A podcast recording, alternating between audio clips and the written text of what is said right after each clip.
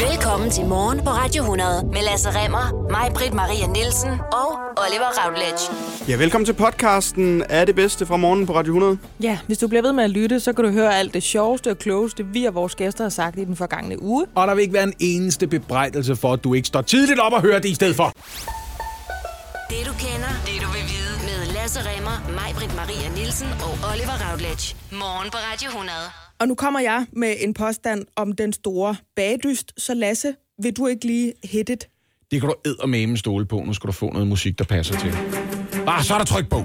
Så ved vi altså godt, hvad klokken er slået. Og jeg vil lige skynde mig at sige, hvis der er nogen lytter, der tænker, hun lyder lidt forpustet, så er det fordi, jeg står lige midt i en plukvæg, og den går over lige om lidt. Åh, oh, men det spænder. Det, det er igen, som vi mærker den her. Mm. Godt, nu kommer der noget om den store bagdyst. Yes.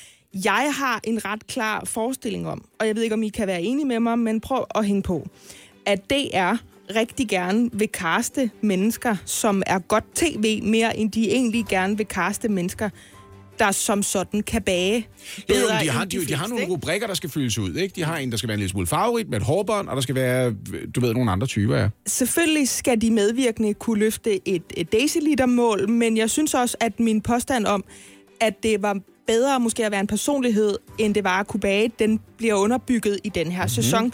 Og så har jeg også tænkt over, at den der repræsentation, de meget gerne vil have, øh, fordi de jo er et public service organ, nogle gange måske lukker nogle mennesker igennem nåleøjet, fordi man rigtig gerne vil have, som du siger, Lasse, den unge, den gamle, en spændende etnicitet, den homoseksuelle, og så en helt crazy type med et hårbånd og noget lyserødt hår, for eksempel. Ikke? Mm-hmm. Så kan folk selv plotte ind i 2019 bagdysten. Og ved I hvad? Det elsker jeg. At det ikke handler om, om man kan bage, for det er i virkeligheden okay. ikke det, det handler om. jeg Jo, det er jo ikke derfor, vi ser det. Øh, en af de ting, som jeg rigtig godt kan lide, det er, når deltagerne for eksempel skal bage et mesterværk lige i starten af en bagdyst-sæson, fordi det skal afspejle dem selv. Og det bliver tit noget med noget fondant, øh, og nogen, der spraymaler en palmestrand på et stykke marcipan, der så knækker, eller laver noget rigtig imponerende med en sprøjteteknik, eller noget isomalt, der strider ud til alle siderne, og skal ligne en ferie, man engang var på med sin farfar, som man synes, det siger noget om mig, ikke? Jamen, det synes jeg måske også er synd for deltagerne. Og det er jo også en sandhed, at det er sjovere, når de deltagende, der er med i den store bagdyst, fucker op, end når de lykkes med en spejlblank glas.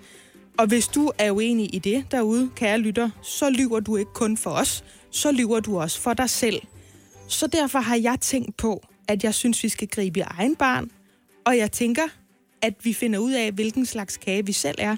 Hvad for en kage vi ville smaske sammen i bedste sendetid, hvis vi skulle lave et mesterværk, mm-hmm. der var henholdsvis øh, Lasse Remmer, Oliver Routledge og mig, Britt Maria Nielsen.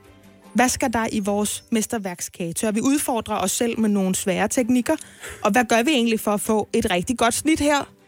Det kunne jeg godt tænke mig, at vi gjorde omkring kvart i otte. Det vil jeg gerne gøre. Jeg kommer, jeg kommer ikke til at udfordre mig med nogen svære teknikker. Men det kan jeg skal du, allerede nu. fordi du har haft tre timer til det, Lasse. Ej, for helvede, Ja. ja. mand. Men jeg har også stået i telt, skal du huske på, ikke? Og Du det stod i et hedder, telt, hvor det skiftevist er forår og vinter, og forår og vinter. og det hedder et mesterværk, Lasse. Ja. Du kan jo ikke bare gøre det simpelt. Et stormesterværk, måske. Jeg er skide god til at spise ting.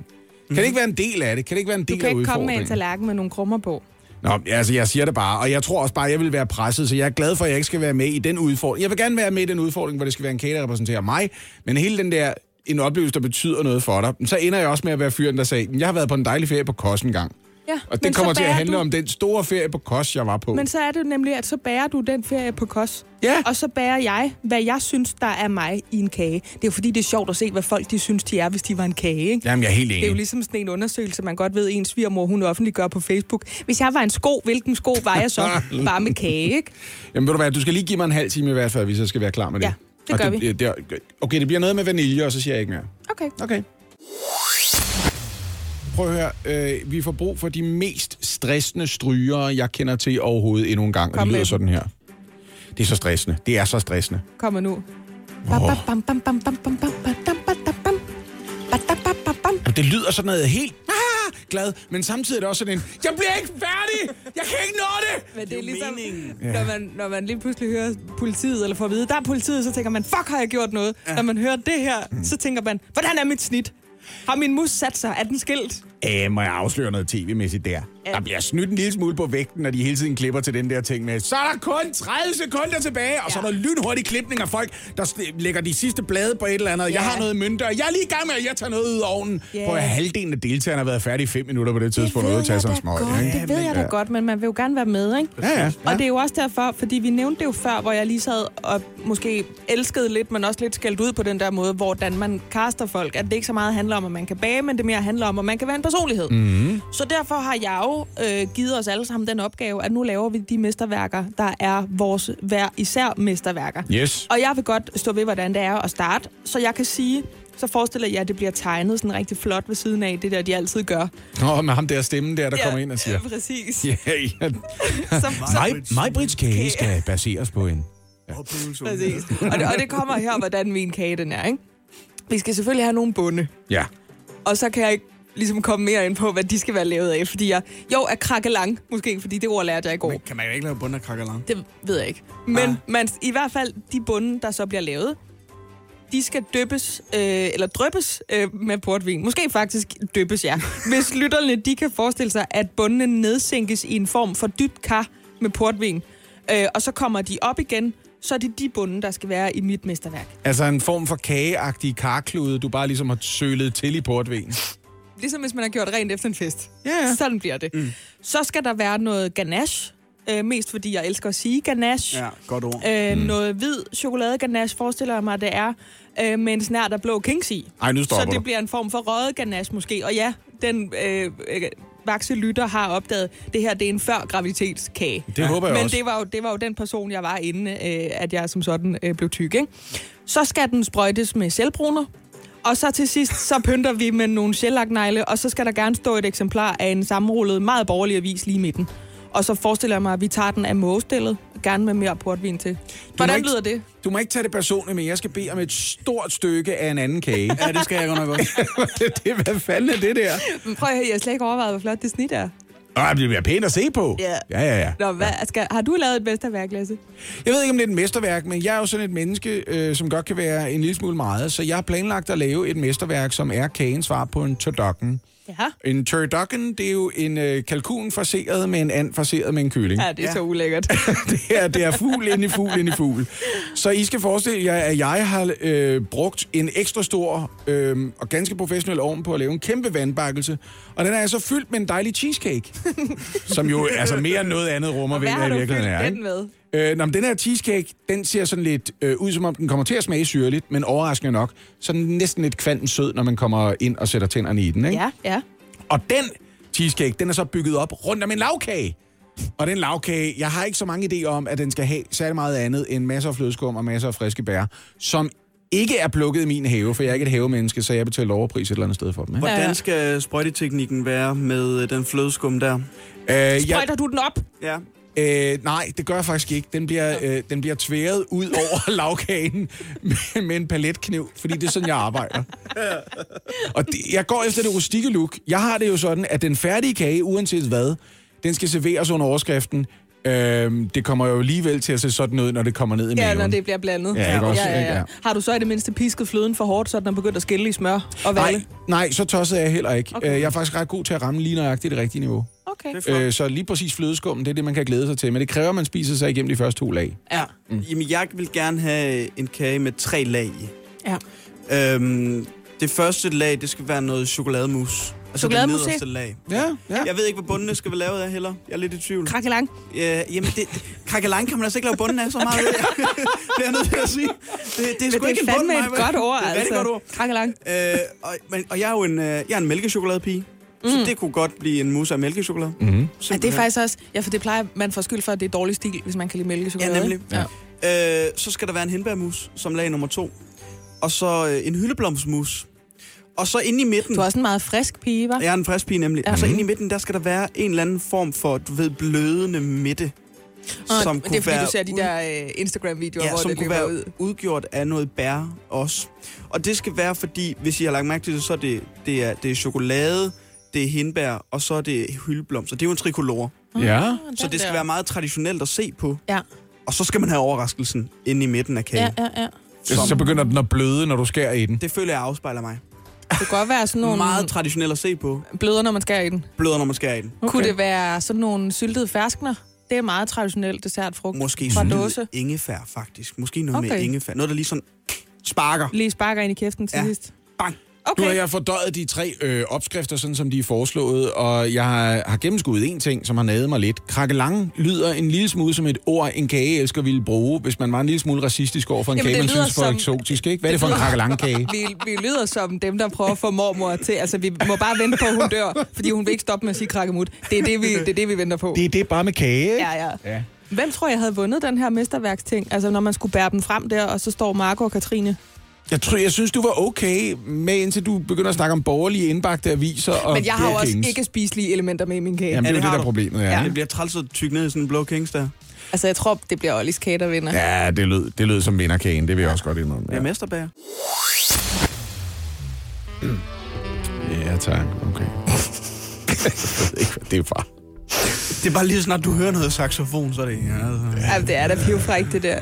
Det er saxofon, ikke? Det lyder også som sådan noget øh, 90'er erotisk film, der sådan lige kunne blive sendt omkring midnat. Ja, med sådan nogle helt øh, vaselinede linser, og, øh, Ja. og så nogen, der knupper sig mod hinanden, og meget nogle tunge åndedrag, og nogle negle, der bliver trukket ned langs en Ja, rygsøjle. præcis ikke? den der med, med de lange, øh, hvad hedder det, øh, kejleformede negle, man havde der i 80'erne og 90'erne, ikke? Yes. I en pastelfarve ned over en manderyg. Den mm. der. Jeg har fundet mere end en undersøgelse, som forholder sig til, hvor tilfredse kvinder er med sex, hvor ofte de oplever orgasme i forbindelse med sex, sat øh, i forhold til, øh, hvor ofte de har prøvet at have sex med den partner, de har sex med. Lad mig sige det på en anden måde. Fordelt på fire grupper. Øh, jeg knaldede manden en gang, Ja, fik jeg orgasme. ja, Jeg knaldede manden anden eller tredje gang, fik jeg orgasme. ja. Og jeg knaldede manden fjerde eller 12. gang, fik jeg orgasme. Og endelig er det en person, jeg har været sammen med i et halvt års tid, og fik jeg orgasme sidste gang, jeg var sammen med ham. Okay, ja. Ingen overraskelse. Procenten stiger for hver eneste gruppe. One night stand, 1 ud af 10. Men det er jo... Ja, okay. Fast forhold, Ja. 2 ud af 3. 2 ud af 3, mig, Britt. Ja. Øhm, Men det er da også min oplevelse. Altså, sådan gennemsnit, eller? ja, altså jeg, jeg, er da, jeg er da en grænvoksen kvinde. Jeg har været single on and off i altså 10-15 år. Jeg har også gjort min research. Det der, det ved alle kvinder. Det er ikke sådan en orgasmefest at slæve nogen med hjem til et one night stand. Det er mere noget, der sviger dagen efter. Men alligevel gør I det, og det synes jeg egentlig er interessant, fordi for mandens vedkommende, så skal han være rigtig, rigtig fuld, eller meget, meget uinteresseret, eller i tvivl om sin seksualitet for at havne i en situation, hvor han ikke når frem til en eller anden form for klimaks. Og jeg er ikke sikker på, at jeg vil kalde det orgasme, det mænd oplever, når vi sammenligner det med, hvad kvinder kan opleve. Det vil jeg bare godt lige understrege. det der er med, ikke- at kvinder er multiorgasmiske og kan blive ved og ved. Ja, og ikke og bare det, men også den måde, lidt- beskriver det på nogle gange, hvor det er sådan lidt, øj, du ved, jeg kan ikke lade være med at lave de her lyde, og mænd tænker, jeg kan nærmest Jeg ikke huske, at jeg nogensinde har haft en oplevelse, hvor jeg ikke kan holde min kæft. Jeg kan sagtens holde min kæft. Kvinder får gåsehud og græder bagefter og Ja, begynder ja. at tale om, hvad de vil bruge deres liv på, hvor mænd er mere sådan, kan vi, kan vi lave en løbestegsmad? Ja, skal vi sove? Ja. Jeg har det sådan, at kvinder, når de beskriver, hvordan det er, når det er rigtig godt, de får det til at lyde, som om de begynder at synge en arie, de ikke kan teksten på, før de er i gang med den. Mens for mænd, der føles det mere som Hvordan et... kunne den lyd? For mænd, der lyder det mere sådan som et... Nå, skulle vi lave noget andet? Det er mere sådan, det er. Det, lyder, det kunne også være, at man lavede en lidt for stor pølle. Den lyd kunne det også være. Ej, det er ikke sexet sagt. Jeg har sat saxofon på og alt til. Undskyld, undskyld. Hey. Ja, undskyld. Jeg har tre timer af det her musik klar. Jeg sad lige og knæppede mine baller sammen for at mærke, om det var den. Ej, hvor er det fuld. Altså, som en, der laver mine bækkenbundsøvelser, som jeg skal, det er jo, hold kæft, altså, hvis, jeg vil lige ved at sige, hvis I nogensinde oplever en graviditet, det kommer I nok ikke til, Nej. øh, til trods for debatkulturen om, om køn og seksualitet, så ved I, hvor vigtigt det er at lave bækkenbundsøvelser, og det kan også godt give nogle lyde, når man er på 10. øvelse for 10. gang mm. på 10 minut. Nu spørger jeg lige Oliver, om det her det er noget, du tør dele med mig og bekræfte eventuelt. Jeg har en idé om, at rigtig mange mænd udelukkende vokaliserer orgasmen, udelukkende laver en øh, ting, fordi vi har lært, at det er en høflig måde at sige, nu er det slut. Nå, lige kan jeg sige tak for mad. Ja, det er ligesom at Ja. sige, øh, nu skal du ikke få, nu er, hvis du skal være skuffet, så ja. Må du godt begynde at blive det nu. Mm. Fordi nu er det slut. Ja. Nu stoppede det, og det er det, der er sket nu. Fordi ellers så, og det lærer man, hvis man er en ung mand, så lærer man ofte, at de mest øh, selvsikre kvinder, de er klar til at sige, Du må godt lige sige til, når du ligesom er Ja, kommet det skal til... ikke være en overraskelse, Nej. at du kommer. Nej, at du det skal ikke være kommet. sådan en, hvor du lige pludselig er på vej ud på toilettet, og hun tænker, kommer du tilbage, eller? Ja, eller sådan noget. Ja. Gud, du har ikke jern på mere. Nej, jeg kom for tre minutter siden. Hvad fanden snakker du om? Altså. Og det er også derfor, mænd siger den der fuldstændig absurd, idiotiske sætning, jeg kommer. Fordi der er ingen det, grund til det. det gør kvinder sgu da også. Nå jo, men nogle gange så gør I det også, fordi I lyver. Jamen, nogle gange siger man det også, fordi så håber man på, at så kommer han, så vi kan få det her overstået. lige præcis. Det er ja. det, jeg mener. Ja, Ikke? ja, ja. Så tænker jeg, nu må du godt blive færdig, faktisk. Men- Det er, jeg har andre ting, jeg skal, ikke? I den her lille Men vi siger så meget lort. Ja. lukkede kreds her imellem os, så vil jeg gerne indrømme det. Ja. Er det ikke rigtigt? Jo. Ja. At man lærer ret hurtigt som mand at sige, åh, det er Det rigtig godt det her nu, jeg skal jeg noget nyt. Færgen i havn om på minutter. Lige præcis. Det er nemlig det. Ja. Det er der, man sætter Combardo-sangen på, og den gælder Nå, i virkeligheden også for hende. Du, kan bare... Combardo! Combardo! Det er nu, Ja. hvis du skal. Husk venligst alle dine egen dele. Gå ikke ned på øh, vogndækket, før vi er i Det kan havn. man også sige, hvis det er et one night stand. Men det overrasker mig ikke, at den der undersøgelse, den egentlig bare påviser det, som især kvinder godt ved. Det er også fordi, den sex, man dyrker, når man møder hinanden bare lige hurtigt, måske er man lidt fulde, det er typisk penetrationssexen, og den kommer kvinder ikke partout ved, mm-hmm. Hvorimod det er jo den eksakte ting, der får mænd til at få udløsning. Ikke? bemærkelsesværdigt nok, og det er jo det, der sådan på en måde er lidt ærgerligt, at vi ikke er kompatible, kompatible på den måde, og at nogle kvinder er velsignet med en placering af klitoris på en måde, så det bliver nemmere at stimulere den også i Ja. forbindelse med Tænk, penetration. hvis kvinder de kunne få den der gode klitorisorgasme ved at, altså at blive penetreret. Hvis det bare var en knap, der sad op i bunden mm. af skeden, så ville verden da være et væsentligt bedre sted. Vanvittigt, ja. Vanvittigt. For alle. Der har du en cash cow. Ja, hvis der er nogen, der sidder derude og lytter nu. Hvis der er nogen, der sidder og lytter derude nu. Eller en floorfiller. en, en vulva-filler. Der er ikke nogen, der tager den idé. Den knap, den opfinder jeg. Jep, jep. Altid. Hvis jeg ikke slår igennem som radiovært, fordi jeg har fået sagt pik lidt for mange gange, så laver jeg vulva-knappen. Det er sjovt, at vi laver nærmest natradio sådan, mellem klokken 8 og klokken 9 Det er efterårsferie, der er ikke nogen, der lytter alligevel. Nej, men det er selvfølgelig... Det, det er vores øh, fine blad, ikke? Er der egentlig flest indbyggere i Aalborg, øh, eller er der flest i Luxembourg? Det er egentlig svært ved at vurdere. Det er jo lige Det et land, ikke? spørgsmål. Ja. Jeg tror måske, der er flest i Luxembourg, men det er ikke med meget. Nej. Det, det kunne jeg ikke forestille mig. Mm. Men er der lige så dårlig stemning der, som der er i Holland nu? Eller hvad? Det tror jeg ikke, nej. Det tror jeg ikke, det er. Øhm, ja, de danske herrelandshold skal som sagt spille i, i aften imod Luxembourg. Ja. Det er en venskabskamp, og efter den vigtige sejr, vi fik imod Schweiz i lørdags, som altså næsten sikrede os deltagelsen ved EM i 2020. Op på 18 point i hvert fald. Men det her det er bare for at holde støvlerne varme, ikke? Lige præcis. Der Og, bor øh, øh, 525.000 i øvrigt i Luxembourg, jeg har lige googlet. Ja, så bor der flere der end i Aalborg. Close. Ja. Øhm, hvis man øh, fulgte tv-billederne efter kampen imod Schweiz i lørdag, så ville man også kunne se, at DBU's kommunikationschef, han hedder Jakob Højer, han gik hen til vores landstræner Åke Harreiter efter kampen, Ja. lykkeønskede ham, gav ham et dansk halsterklæde på, på nakken. Ja. Det tog Åke Harreiter af med det samme og kastede det tilbage til Jakob, øh, Jakob? Højer, hvor man nærmest kunne høre ham på rungende norsk sige nej.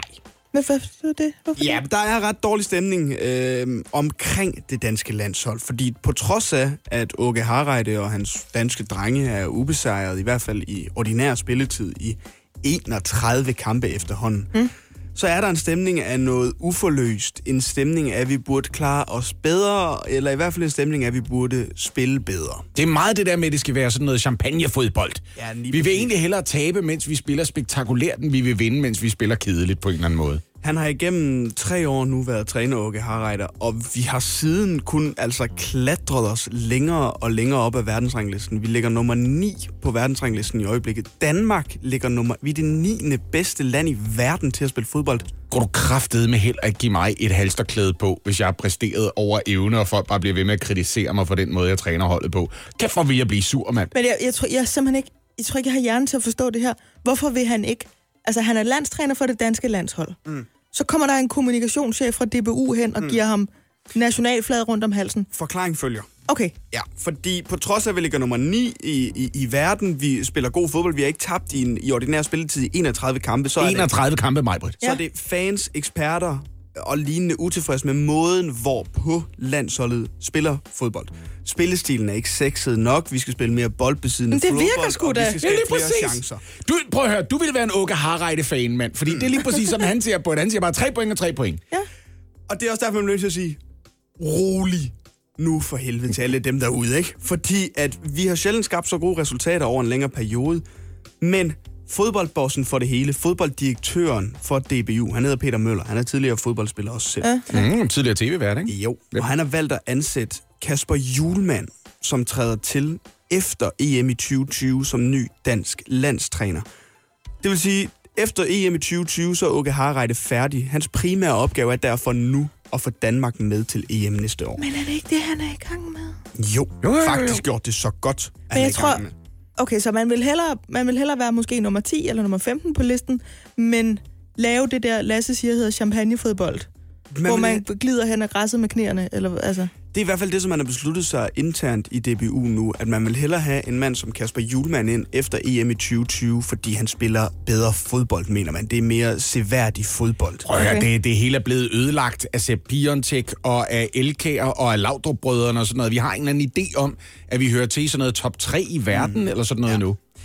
Det, det, det, det der også ligesom frustrerer mig, fordi Åke Harreide, han har bragt det her landshold frem i en øh, fantastisk position. Han fortjener ros, han fortjener anerkendelse, han har flyttet det danske landshold, gjort vores bedste spillere bedre, og sørget for, at vi ikke lukker ret mange mål ind, takket være en, en fantastisk Kasper Schmeichel også. Så derfor kan jeg også godt forstå, at Åke Harreide er skuffet, ikke, altså, at han ikke får lov til at blive i trænersædet efter EM. Mm. En Er derfor han ikke vil det halsterklæde på? Ja, der er en del af Åke Harreide, der er rigtig skuffet over, at han ikke får lov til at blive en, en dansk del af landstræner. Uga har er rigtig skuffet. Ja, det er At der. de smider Kasper Julemand ind, efter han har præsteret så godt. Ja, Ja. ja. det æder med med ærgerligt, når man har kigget. Det, det er derfor, du ved, jeg går ikke engang meget op i fodbold, men jeg går æder med meget op i tanken om, øh, at lave præcis, hvad man bliver bedt om. Og så så godt godt, nok. som det overhovedet kan lade sig gøre. Ja. Ja. Og så er nogen, der kommer og siger, men heller ham derovre. Ja, ja. Det Man føles bare på... falde ned på knæ og skrige, hvad vil I have? Præcis. Og Ja, derfor det- så er mit opråd også nu, at vi skal lade være med at brokke os over, at vi ikke spiller sexet nok, når resultaterne, hvad vi tager med ud fra kampene, er enormt sexet. Jeg skulle lige altså. sige, ja.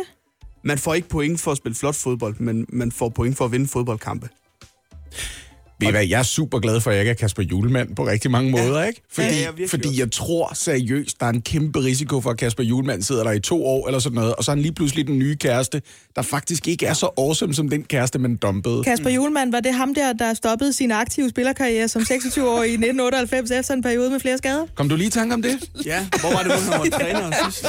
Øh, FC Nordsjælland. Ja, det var Nordsjælland, ja, det er rigtigt. Det er rigtigt. Jeg var nødt til lige, altså fordi jeg ved godt, hvem hende Åsa Hawaii der er, men jeg var nødt til at finde ud af, hvem fanden er Kasper Julemand? Og ja, jeg kan godt se, at jeg har set hans ansigt før. Han er, han er kommende dansk landstræner, og øh, jeg tror også, det er vigtigt for os at forstå, at vi har ikke spillerne i Danmark til at kunne spille fodbold, ligesom øh, de gør i Manchester City under Guardiola, eller som de gør i Spanien. Så vi skal være jublende lykkelige over, at Åke Harreide har bragt os frem i den position, vi er i i øjeblikket. Jamen, om ikke andet, så kommer vi til at være det i bagspejlet på et eller andet tidspunkt, ikke? Stop med at brokke sig.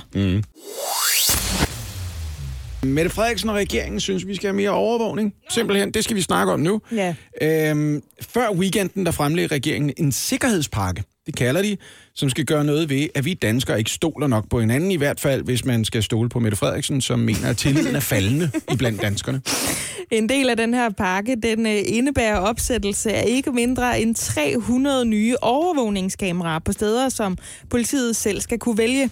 Desuden så skal det være muligt at overvåge offentlige bygninger meget mere omhyggeligt end Ja, nu. det har måske noget at gøre med det der bombeangreb mod skat især, hvad ved jeg. Jeg think so. Ja, hvor det hidtil har været ulovligt at vende privat opsatte overvågningskameraer mod offentlige områder, altså ud mod for eksempel den villavej, hvor man gerne lige vil have styr på, hvem der går ind i ens carport, så taler regeringen om, at det ikke bare fremover skal være lovligt at vende sine overvågningskameraer på privat grund ud mod offentlige områder, men også at politiet skal kunne have adgang til direkte streaming fra de her private kameraer. Lige gå ind og tjek, hvem går egentlig lige øh, forbi piller næsen i den carport lige nu? præcis, ikke? Begrundelsen er selvfølgelig de indtil videre 13 eksplosioner i København i år og bekymringen over organiseret kriminalitet. Men det er altså ikke hele pakken, der er super populær i Folketinget, det er heller ikke blandt regeringens støttepartier. For eksempel de radikale Venstre og Enhedslisten er ikke helt tosset med elementer i den her pakke, det er især overvågningsdelen af den. Ikke? Så det er altså ikke sikkert, at den bliver til noget den form, regeringen har fremlagt den indtil videre. En del af bekymringen skyldes, at ny teknologi gør ansigtsgenkendelse virkelig effektiv. Mm. Og har vi lyst til, at staten hele tiden kan tjekke, hvor vi er og hvad vi laver, oh. spørger jeg helt retorisk. En kinesiske tilstande mm-hmm. for pokker, ikke? hvor ja. de kan finde forbryder på 28 minutter med udgangspunkt i et pasfoto. Ja, ja, ja, ja, ja. Det åbner en samtale, vi jævnligt har. Ikke? Hvor meget frihed er vi klar til at give køb på for at få noget mere tryghed? Tryghed eller frihed? Og er det sandt, at hvis man ikke har noget at skjule, jeg kan næsten ikke engang sige det her, så har man heller ikke et problem med at blive overvåget? Åh, oh, det kan folk godt lide at sige. Eller sagt omvendt, hvis du ikke bare er a-okay med at blive overvåget, så er det sikkert, fordi du har noget at skjule, ikke? Ja, Ikke det er der meget noget om. også, ja. Og hver gang folk siger det, så har jeg lyst til at sige, må jeg sætte kamera op lige over for dit lokum? Ja, fordi du har jo ikke noget at skjule. Vi skider jo alle Det sammen. ved vi alle sammen, du godt gør. Hvorfor må jeg ikke kigge med? Det kan jeg da ikke forstå. Det er da ikke noget pinligt. Ja. Nå, ved du hvad? Hvis vi skal overvåges mere, og hvis vi lige om lidt skal til at æde statskameraer med ansigtsgenkendelse, who knows, nu snakker jeg glidebane, mm-hmm. Øh, skal der fandme også være noget i det for os, synes jeg. Ikke? Skal der være nogle fordele for den enkelte borger? Det skal ikke bare være sådan noget Big Brother-samfund, hvis ikke også storebror kan finde ud af at være en nice storebror. Okay, så hvad vil vi have ud af ansigtsgenkendelse, mm-hmm. så Mhm. der er noget i det her for os? Det pynser vi lige lidt på, og så får du svaret om, lad os kalde det 20 minutter. Ja, noget, hvor der er nogle øh, personlige borgerlige fordele, ikke? Ja. hvor man siger, det er ikke bare et spørgsmål om, at politiet skal kunne finde dig hurtigere. Hvis jeg alligevel stjæler mit ansigt, så vil jeg også have noget ud af det. Lige præcis. Det kigger vi på om 20 minutter. Oyster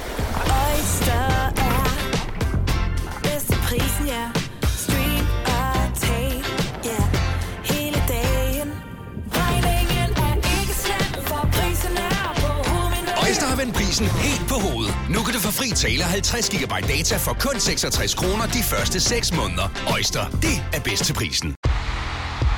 Stream nu kun på Disney+. Plus. Oplev Taylor Swift The Eras Tour, Taylor's version. Med fire nye akustiske numre.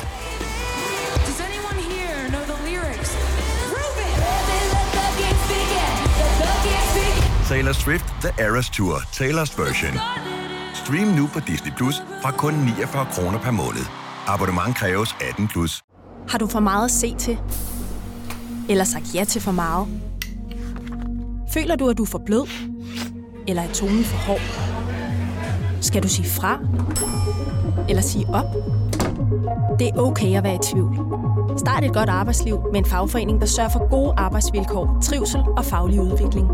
Find den rigtige fagforening på dinfagforening.dk. Haps, haps, haps. Få dem lige straks.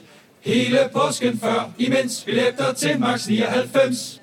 Haps, haps, haps. Nu skal vi have orange billetter til max 99. Rejs med DSB orange i påsken fra 23. marts til 1. april. Rejs billigt, rejs orange. DSB rejs med. haps, haps, haps.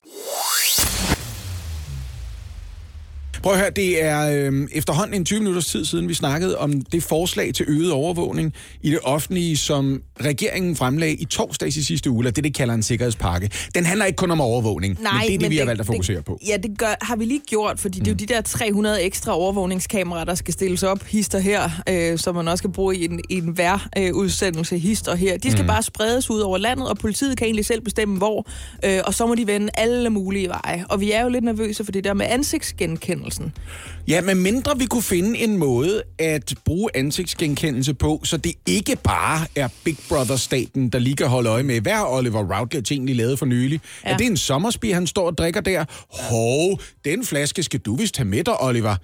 to minuspoint på den sociale konto. Nu kan du ikke længere rejse til Malmø i weekenden. Jeg har faktisk allerede fundet ud af, hvad jeg vil have. Hvis det her forslag i en eller anden udformning bliver vedtaget, nu må mm. vi jo se, hvad støttepartierne de siger, for. Yes. de er jo også nervøse for det her. Så har jeg fundet ud af, hvad jeg vil have til gengæld. Hvis staten vil have mit ansigt, så vil jeg have øh, lov til aldrig mere at skulle sige, altså formulere med min mund, pinlige ting på apoteket, som jeg gerne vil købe.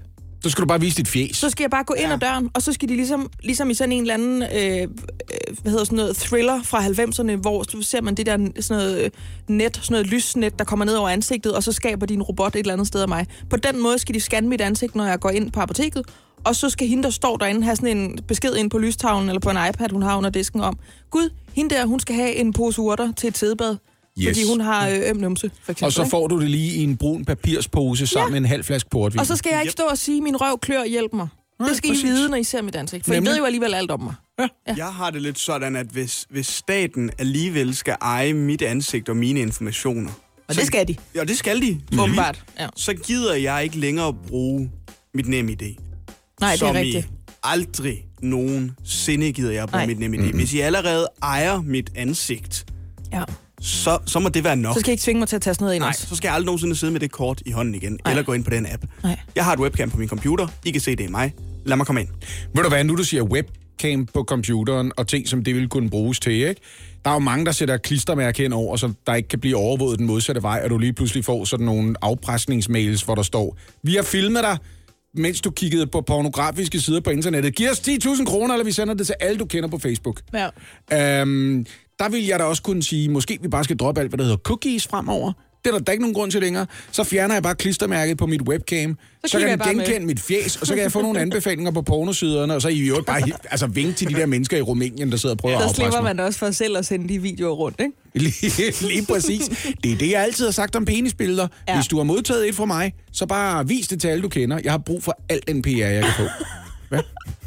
Hvad synes jeg har det? Men det er selvfølgelig også lidt problematisk, hvis nu man bliver røvet, og man så bliver lagt i benlås på asfalten, og så er der nogen, der siger, kig på din iPhone, og så låser ens bankapp bare øjeblikkeligt op, og MobilePay er åben, og e-boks og alt muligt. Det er jo seriøst en ting, som jeg har øh, set allerede forekomme rundt omkring mig. Der er ligesom nogen, der bare altså, trækker folk i, i nakkehåret, ja. Og så holder telefonen op foran. Ja, eller stjæler deres tommelfinger. Ja, ja, ja, ja, ja, Ja, ja. den Det, der, det skal vi slet ikke i nærheden af, vel? Ja. Det bryder vi os ikke om. Også fordi, du ved, i et partnervoldeligt forhold, der kan det jo godt ende med, jeg skal kigge i dine beskeder, Vi og så kommer noget. man op og... Vi hører noget faktisk lidt sci-fi-agtigt. Oh. Jeg har en veninde, og jeg siger ikke hvem, som på et tidspunkt har præsteret om natten at holde sin kærestes telefon op foran hans sovende ansigt, så den låste op, så hun kunne se hans beskeder. Nej. I shit you Oh not. my Det er God. rigtigt, det er sket det her. Nej, nej, nej, nej. Mm. Vi ved godt, hvad næste trin bliver. Det bliver ligesom det, de gennemskud, de havde brug for at gøre på Facebook og så videre. At hver eneste gang, der bliver logget ind på et usædvanligt tidspunkt, så ja. Sender den der lige en mail, hvor der står, Var det dig? du låste din telefon op klokken halv tre i. Ja. nat, efter du har været vågen i fem timer. Did you do this? Ja, ja. Eller har du en kæreste, du lige skal have en snak Jeg synes bare, jeg kunne godt tænke mig, altså så hvis, hvis jeg i forvejen må tåle det der ubehag, der er ved at blive overvåget, fordi jeg kan jo virkelig ikke lide den der, men hvis man ikke har noget at skjule, så kan man bare blive filmet. Sådan fungerer vi mennesker jo ikke. Vi er jo private, selvom vi er flokdyr. Der er ikke? mange ting, jeg gerne vil indrømme, jeg gør, men som jeg ikke har lyst til, at du ser på. Ja, præcis. Ja. Vi ved godt, jamen alle mennesker sætter sig ned og skider en gang imellem, men det behøver ikke at betyde, at jeg gerne vil broadcaste det. Nej. Altså. Men hvis jeg skal tåle det ubehag, og jeg skal filmes i hoved og røv, fordi med F siger, det skal jeg, så vil jeg i det mindste have lov til ikke at skulle formulere pinlige ting, når nu jeg alligevel ved yes. alting om mig. Ja. Så jeg tænker, vi lancerer den app, der samler de der muligheder. Det synes jeg er en Altså med idé. apoteket og med nem idé, og så Lasses anbefalinger på øh, pornosites, ikke? Jeg hedder Lasse Remmer, og jeg har et ansigt, og af den grund, så vil jeg gerne investere 500.000 kroner for 10% af din app-idé. Mm. Af den grund vil jeg gerne rive den af.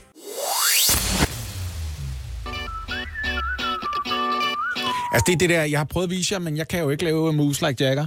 Men det der, hvor man øh, klapper på sådan en, øh, jeg har lange negle måde. For Ja, eksempel, det er ikke? det er Jagger move. Og, så, Nå, ja. og, og, og, munden skal man huske, skal sådan være. Og så laver man den der, rund? så laver man den der høne ting med hovedet, hvor man også ser. Det er faktisk et lidt underligt move. Altså, godt- ikke et nødvendigvis et ønskeværdigt move. Okay, ja. du er selv udenom Du er det, meget tættere på. Du skal ikke filme Jo, mig! jeg filmer dig. Du skal ikke filme mig. Jeg vil, ikke, jeg vil 0% filmes. Gør det. Nu kan jeg jo Gør ikke. det nu. Vis nu moves like okay. Jagger. Move. jeg kan ikke. Det kommer ikke til at virke. Det ligner en lille smule faktisk. Jeg, jeg har lige spurgt selv på Instagram, om jeg øh, efterhånden er kommet i en alder, hvor det vil klæde mig med nogle fillers. Ja. Ja, og eventuelt, hvor skal de være henne? Fordi der er mange steder, hvor jeg allerede er fyldt helt ud. Så, Hvis øh, man har fået et stort skin, så må man jo fanden også have lov at fylde lortet ud. jeg synes, der er flere steder, hvor jeg måske kunne trives med nogle M-tiers i stedet for. Det kunne godt være. En fedtsoning. Ja, det vil jeg ikke have noget imod. Og øh, prøv at høre, nu vi snakker om det. Øhm, jeg havde et par dage, hvor jeg var øh, græsænkemand. Jeg var ganske alene. Jeg var øh, øh, mutters sølle. Det tror jeg ikke, det hedder faktisk. Det, øh, jeg var alene, øh, fordi... Men det er Øh, fordi, lige, du aldrig er mutters uden at være alene. Du er ikke Det- bare mutters. det er man meget sjældent. Ja. Øh, Line var lige taget en tur til Nordjylland, og, øh, og så sad jeg alene derhjemme, og så går det op for mig, at der er fede ting og ufede ting ved at være i et fast forhold, og så lige pludselig selv kunne rode over sin tid. Ikke? Mm, mm. Og de ufede ting, det er, nogle gange, så kan min dag godt bare forsvinde. Så får jeg lige set 12 afsnit af en tv-serie, jeg godt kan lide. Og så tænker jeg, det var ikke den måde, jeg havde planlagt at bruge min søndag på. Nej. Men andre gange, så det ikke at skulle indgå de der kompromiser, som ellers gør en glad, fordi så har man noget sammen. Det gør bare, at man får nogle ting fra hånden, man ellers ikke ville have fået fra hånden. Ikke? Ja, ja. Øh, man kan for eksempel finde på at spise sundere, Ja. eller tage sig sammen til at lave ting alene, hvor jeg også nogle gange måske kan have sådan en oplevelse af, går jeg i gang med at rydde op i kælderen, så kan der godt være sådan lidt en stemning af, øh, nu skal vi rydde op i kælderen, og så har hun sådan lyst til at sige, jeg vil altså gerne lave noget andet nu, og jeg har lyst til at sige, men det er bare mig, der er gået i kælderen jeg og ved ryddet godt, op. hvad det er. Det er Forstår det du, hvad jeg samme- mener? Jeg, jeg, jeg forstår udmærket, hvad du mener. Og det, Kan det, du sidde stille, hvis Michael går i gang med at lave noget? Det er bare det, jeg mener. Mm, ja, det kan jeg så godt lide Ja, for okay. tiden. jeg, jeg kan jo bare sige, at jeg har plukket eller bækkenløsning eller et eller andet, ikke? og det har jeg som regel. Men jeg, jeg ved godt, hvad det er. Det sker ikke kun nødvendigvis i det meget faste, utrolig faste parforhold. Det sker også bare i den der forelskelsesfase. Mm. Og det er det, vi er notorisk verdenskendt for. Det er hyggen, simpelthen. Jeg vil faktisk sige, at i forelskelsesfasen sker det om muligt endnu mere. Ja, for der skal det fandme bare være fedt, det hele. Præcis. Der skal man altså have mulfrit hver dag. Ja. Og det er jo det, der 100%. sætter Hold kæft, der blev spist noget stegt banase og drukket noget vin ja. i løbet af de første Ja, ni måneder. meget mand. rødvin og Jeg tog cigaretter 8 på kilo og på noget, fra den dag, vi kaldte os kærester, og så de næste ni måneder Jamen, der frem. kan du se. 8 freaking kilo Og på det ni er jo præcis måneder, det mand. samme. Også fordi man stopper med at sådan slanke sig, fordi man skal være lækker over for alle mulige, fordi nu er man jo forelsket. Og så vil man gerne lave noget hyggeligt sammen, og man vil gerne ligge i ske sammen helt tæt og se gamle Simpsons-afsnit. Og så er man bare ikke så effektiv og så driftig. Altså, jeg har da aldrig været mindre driftig, efter at jeg mødte Michael. Det, må, det er gået op for mig lige nu, at uanset om man overhovedet bryder sig om den livsstil eller ej, så burde man som par en gang om året besøge en swingerklub. Bare lige for at få det der svær over hovedet, som siger, prøv at høre, øh, er der flere liderlige mennesker, der kigger efter min partner end efter mig? For så skal jeg til at tage mig sammen, kan jeg godt mærke. Ja, og hvis man kan holde ud at gå i sådan en latex æggedeler, som man skal have på, hvis man Er der ikke, er der ikke en, swingerklub. en anden løsning end en swingerklub der? Nej, det, er swinger. Der er ikke andre, det, det Du kan, ikke, du kan ikke bare begynde at løbe nogle ture, Det er eller dig lidt sammen, eller sådan noget. Du Nej, skal nej. ind i en sexklub med velurtapet. Nu kommer du til at sige, hvad, hvad med bare det hele kropsspejl, du kigger der en gang imellem? Nej, Oliver, det kommer ikke til at Der virke. skal være nogle andre, der kigger på dine testikler. Også fordi det er som om mit spejl lyver. Mit spejl lyver om, hvordan jeg ser ud. Jeg synes, det ser mindre katastrofalt ud i et spejl, end jeg godt kan se, det gør, hvis du tager et billede af mig, for eksempel. Jeg kan tage, jeg kan tage et billede af mit spejlbillede, og så kigge på det billede og tænke, sådan så det ikke ud i Nej, spejlet. jeg ved, ved du hvad det er? Det er faktisk noget op i hjernen. Det har jeg lige læst en artikel om. Det er fordi din, din øh, hjerne, og derfor dine øjne, ved godt, hvordan du ser ud, og hvad din fejl er, ifølge din egen overbevisning. Mm. Så det korrigerer øjnene løbende for, når du kigger på dig selv. det er der, det Øjnene er vender sig bare til det. Ja, og den, og den skåner dig ligesom. Det er derfor, at vi er pænere, når vi bare kigger os i spejlet, end hvis vi vender os om og får taget et billede, eller tager, som du siger, et billede ind i spejlet. Det ved jeg. Jeg er en kvinde på 30. Jeg har taget mine selfies. Åh, Det er sådan, det forholder sig. Nå, jeg har taget det første skridt i retning af en sundere livsstil, og det er en vane, som man godt kan holde ved lige. Jeg drikker mere vand. Så ja. Øh, ja, har en lille kande med her. Og samtidig er du begyndt at tisse rigtig meget. Ja, I den anden stole på. kande, du har der. Og meget apropos, øh, vi ses lige her om tre minutter. Jeg kan også fortælle dig noget, du måske godt ved i forvejen, fordi i modsætning til mig, så er du jo allerede nogens far. Du er Mhm. mm-hmm. simpelthen en forældre, og derfor ved du godt, hvad skoleintra er.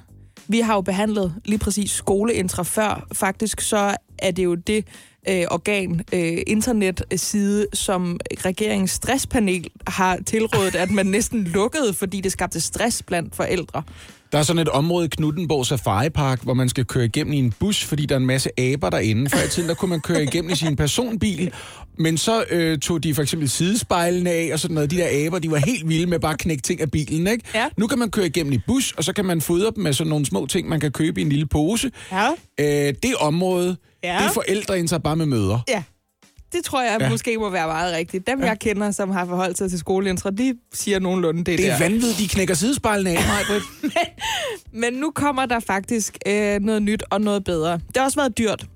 Der kommer et nyt IT-system. Det er noget forsinket, men nu kommer det altså. Det koster 350 millioner kroner, og det hedder Aula, men det er meget bedre end det, der har været. Jamen, Det skal simpelthen erstatte skoleintra. Aula var jo et sted, man plejede at samles på de gamle skoler. Ja, det var også passer det første, jeg tænkte. Ja, ja. Men det er jo selvfølgelig den, øh, det lingo der, man har lånt. Ikke? Smart. Det er altså den nye digitale kontaktbog, som er kommunernes hidtil allerstørste IT-projekt. Det skulle egentlig være rullet ud ved skoleårets start, altså tilbage i sommer, men der var lige nogle justeringer og nogle øh, ja, børnesygdomme, kan vi jo næsten kalde det, som betød, at lanceringen den blev altså skubbet lidt frem.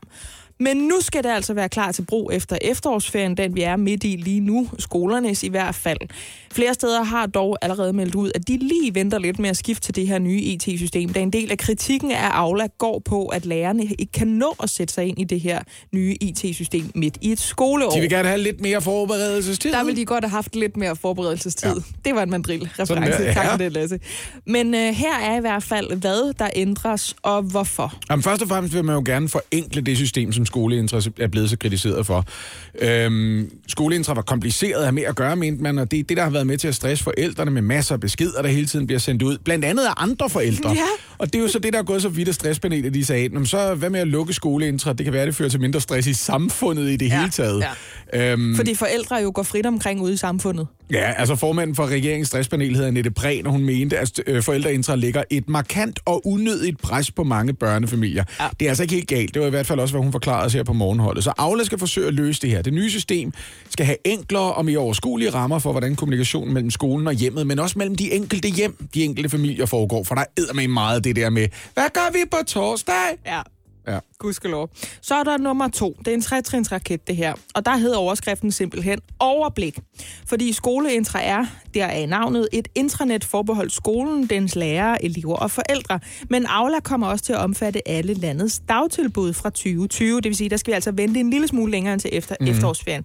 Og det betyder altså helt konkret, at man som forældre kan orientere sig om sit barn, fra det begynder i vuggestuen, i SFO'en, og til det går ud af skolen. Og det kommer til at fungere ligesom Kvicklis gamle sl- slogan, ikke? Det er sådan one-stop shopping, så behøver du, du behøver kun at handle et sted, ikke? Ja. Det er det, jeg prøver at sige. Nå, endelig. Sikkerhed er også en vigtig ting, fordi skoleintra, det er blevet strikket sammen på et tidspunkt, hvor vi ikke rigtig snakkede om GDPR, øh, om brugernes retssikkerhed i forhold til de data, vi afleverer til forskellige organer, ikke? Ja. Det kan Aula. Aula garanterer en situation, for eksempel, hvor der er forældre, som siger, jeg giver ikke samtykke til, at øh, Nova My er med på billeder. Jeg sad bare og ventede på, hvilket navn du Ja, fandt men på. det er det, vi leder efter, Ja, ikke? jeg havde, Det er jeg noget- havde Hugo Victoria. Ja, men det er lige præcis det, ikke? Ja. Ja. Nej, de, nej, hvis I skal tage billeder fra idrætsdagen, så skal jeg venligst bede jer om ikke at tage billeder af mit barn. Og hvis I skal bruge det offentligt, eller inde på intranettet, eller på skolens hjemmeside, så skal mit barns hoved i hvert fald sløres. Mm. Ligesom når de overvåger motionisterne ude i sportshallerne. Hvilket jo har den der Barbara Streisand-effekt, så lægger du bare mere mærke til det, ikke? Ja, Tænker, præcis. hvad fanden er det, der er blevet sløret? Men altså, nu ved jeg godt, det er lidt flot sagt, når man ikke selv har et barn endnu. Mm. Giv mig tre måneder, så skal jeg være der. Men jeg synes også, at vi er nødt til lige at snakke om, at det er altså ikke kun intranettet selv, der har ødelagt sig selv. Det er jo for fanden dem, der bruger det. Så jeg synes, om en halv times tid, så er vi lige nødt til at gå igennem, hvad skal man så lade være med at gøre, for at lade være med at fuck Aula op? Hvad er det for nogle beskeder, man skal afholde sig fra at sende inde på det nye Aula, så det ikke bliver lige så pisse nederen, som skoleintra var? Garanterer dig for, hvis Jean-Paul Sartre var i live i dag, så ville han sige, helvede er andre mennesker ja. på forældreintra. Men helvede er de andre, Ja, faktisk. det, det, er aldrig en selv, vel? Så den tager vi lige der kvart i otte. Der får du altså en guide til, hvad du for helvede skal lade være at skrive inde på Aula, så du undgår at ødelægge det, ligesom du gjorde med skoleintra. Jeg kommer simpelthen til at åbne en flaske champagne den dag, et offentligt IT-projekt løber ind for under 100 millioner kroner, Ja. og til tiden. Ja. Altså, man kan sagtens bruge en milliard på et eller andet arkiveringssystem, som viser sig ikke at virke en skid. Jeg tror godt, du kan altså, holde den der gule enke på den helt bagerste plade. Den der glasplade, du ved, du har øverst oppe i, i køleskabet. Der hvor der også står noget gammelt rådent, øh, tomat, øh, Mm. puré og sådan noget. Ting, konserves, sirup, du købte en gang til nogle pandekager og sådan noget. det er en i mit køleskab, Nej, men jeg, I know people. Jeg Ja. ved, det er sådan, vores køleskab ser ud. Ja, Øh, fordi det, det tror jeg kommer til at tage et stykke tid. Altså, mm. det er jo også den kritik, der allerede har været nu af Aula. Men herindefra er vi også nødt til at sige, at det var ikke kun øh, skoleintra, der som sådan var sat lidt ubekvemt op. Det havde også noget at gøre med de forældre, altså brugerne af den, øh, måde at kommunikere med hinanden på. Ja, ja, problemet er ikke offentlig trafik, problemet er passagererne. Ja, og for derfor eksempel, ikke? har jeg ligesom skrevet en lille form for øh, punktopstilling her, som man lige kan tage til sig, så man undgår at ødelægge Aula nu, hvor vi har brugt 350 millioner kroner på at få lortet til at virke. Ja, nu har du fået et nyt hus. Lad være med at gå ind i det med møgbelortede sko, Ja. ikke? Du skriver aldrig noget på Aula efter klokken 20. Fordi du simpelthen respekterer andres fritid. Det kan godt være, at du lige kom i tanker om et eller andet, du synes, de andre skulle vide, øh, da du havde lukket og sat opvaskeren i gang. Men du skriver ikke noget ind på Aula efter klokken 20, fordi de andre vil også gerne holde fri for skolen. Må jeg lige råbe noget i den anledning? Du Ja, henvender du dig ikke slet nok? ikke til dine børns lærere efter skoletid. Nej. Det er deres arbejdstid. Ja. Det er fri resten af døgnet. Du skriver ikke lige klokken 21 en sms til din datters dansklærer, fordi der er lidt tvivl om... Sker Hvad- det der? Ja, det kan du fucking stole på, det gør. Nå, fordi folk ikke forstår... nu. En nyuddannet folkeskolelærer tjener 27.600 kroner om måneden. Det er ikke for 24 timer i døgnet. Nej. Det kan jeg garantere dig for. Er det ikke en døgnstilling? 100 procent. Hold op med at henvende dig. Her er, hvad du siger til dine børn, hvis de ikke lige ved, hvad der skal ske i morgen. Ved du hvad? Du møder i morgen og siger, jeg hørte ikke ordentligt efter. Giv mig en skideballe, og så kommer du hjem og fortæller mig, hvad det er, vi ikke fik at vide. Jamen, det var en opsang fra Lasse Remmer, og jeg har øh, en tilbøjelighed til at være enig, kan jeg mærke. Ha' noget respekt for lærerne. Nummer to. Det er muligt at sende en mail på Aula til én modtager. Åh, oh, tak. Fællesbeskeder er kun til orientering om et for eksempel meget pludselig opstået udbrud af SARS til de andre i klassen. Eller hvis du skal skrive, Gud, jeg er blevet vanvittig, jeg tror ikke, mine børn skal vaccineres alligevel. SARS, total du- retrosygdom. Ja, præcis. Et eller andet. Ebola. Ja, ja. Så må du godt have lov til at vælge at sende en alle-mail. Mm. Det ved man godt, hvis man arbejder øh, på et kontor for eksempel. Der er rigtig mange alle-mails, som ikke skulle have været til alle. Skal jeg fortælle dig noget? Det ville faktisk være rigtig fedt, hvis Aula havde en like-funktion. Og jeg øh, forbander mig selv for at sige det. Eller en Men- don't like. Og jeg kan fortælle dig det her, i mange samtaletråde, der ender det jo med, at folk de bare gerne lige vil markere, jeg er interesseret, jeg er engageret i mine børns skolegang. Så går de bare ind og skriver, enig, Ja. for eksempel. Ja. Hvad med bare en thumbs up-knap? Jeg håber ikke, der er sådan en notifikationsfunktion på Aula, fordi så kan det blive ved. Ja, åh oh, gud. Okay, nummer tre. Mangler dit barn en eller flere stykker tøj, så er det ikke på Aula, du forsøger at opklare, hvor Hugo Victorias termovest den er Nej, blevet nej, nej, nej, nej. Du gør simpelthen det, at du tager dine øjne frem, og så kigger du i den institution, dit barn går i. Mm. Det er ikke de andre forældre, der har været ude at smide Hugo Victorias termovest væk. Det er måske en af de andre børn, men højst sandsynligt er det Hugo Victoria selv. Lige præcis. Så du må ud og lede, for du har lavet barnet, så var det dit ansvar. Og så kan det godt være, at jeg går i gang med konsekvenspædagogik og siger, så lærer du dine børn, Hugo Victoria, hvis du har mistet din termovest, så må du fryse på vej til skole, så kan det være, at du får lungebetændelse, så kan det være, at du dør, men så lærer du det. Så lærer du at passe på dine ting, Ja. hvis du altså ikke var død. Lige præcis. Og så er der den sidste her, nummer 4. Sådan undgår du at fucke Aula op listens nummer 4. Du kan eventuelt ringe til Esther Emilies mor, i stedet for at koordinere eftermiddagsmad eller legeaftaler med hende på Aula. Jeg har hørt.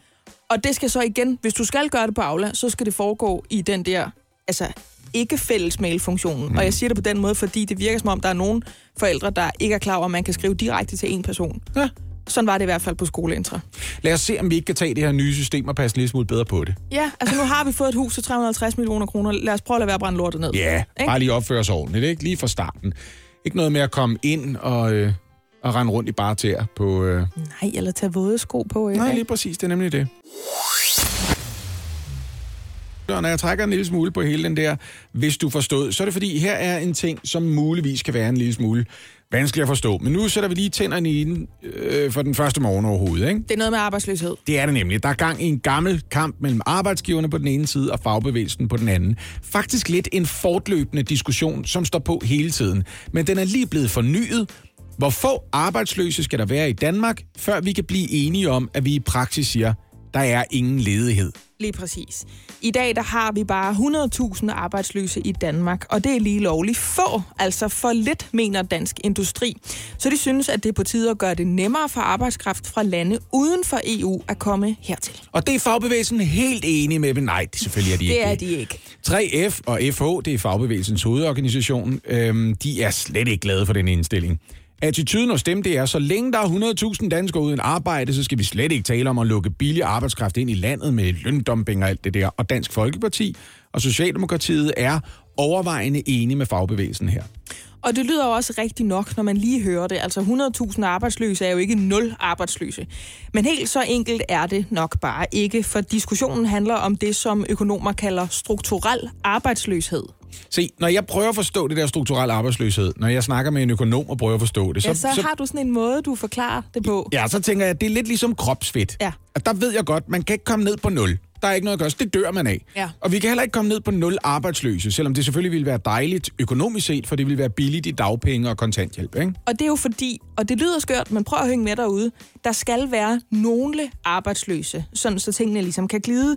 Folk, der lige er kommet ud af et job, og så er på vej videre i et andet job, det der også hedder between jobs. Ja, og også det der med at kunne tage hensyn til, at der er geografiske forskelle på, hvor der efterspørges arbejde på et hver givet tidspunkt. Der skal være noget at flytte lidt rundt på, ikke? Mm-hmm. Arbejdsstyrken, den kan heller ikke passe 100% til arbejdsudbuddet 100% af tiden. Der kan ikke hele tiden være præcis det antal sygeplejersker, præcis det antal bygningskonstruktører, præcis det, du fanger pointen, mm-hmm. key account managers og så videre, som Kørende arbejdsgiverne efterspørger. alt muligt. Præcis de steder, hvor den arbejdskraft bor henne. Altså, der er nogle øh, regionale forskelle, og der er nogle branchemæssige forskelle, ikke? Præcis. Mm. Øh, og når der nu for eksempel lige nu er 100.000 arbejdsløse, så er en fjerdedel af dem allerede tilbage i arbejde om en måned. Så ja. det er altså et øjebliksbillede også. Ja, og det er jo en af de ting, Dansk Industri fremhæver. Hvis der ikke er en eneste arbejdsløs, så betyder det så i øvrigt også, at lønningerne ender med at stige ret voldsomt, fordi lige pludselig så er arbejdskraft sælgers marked. Ikke? Jeg Ja. ved, du har brug for mig, det er ikke vigtigt, hvor dygtig jeg er.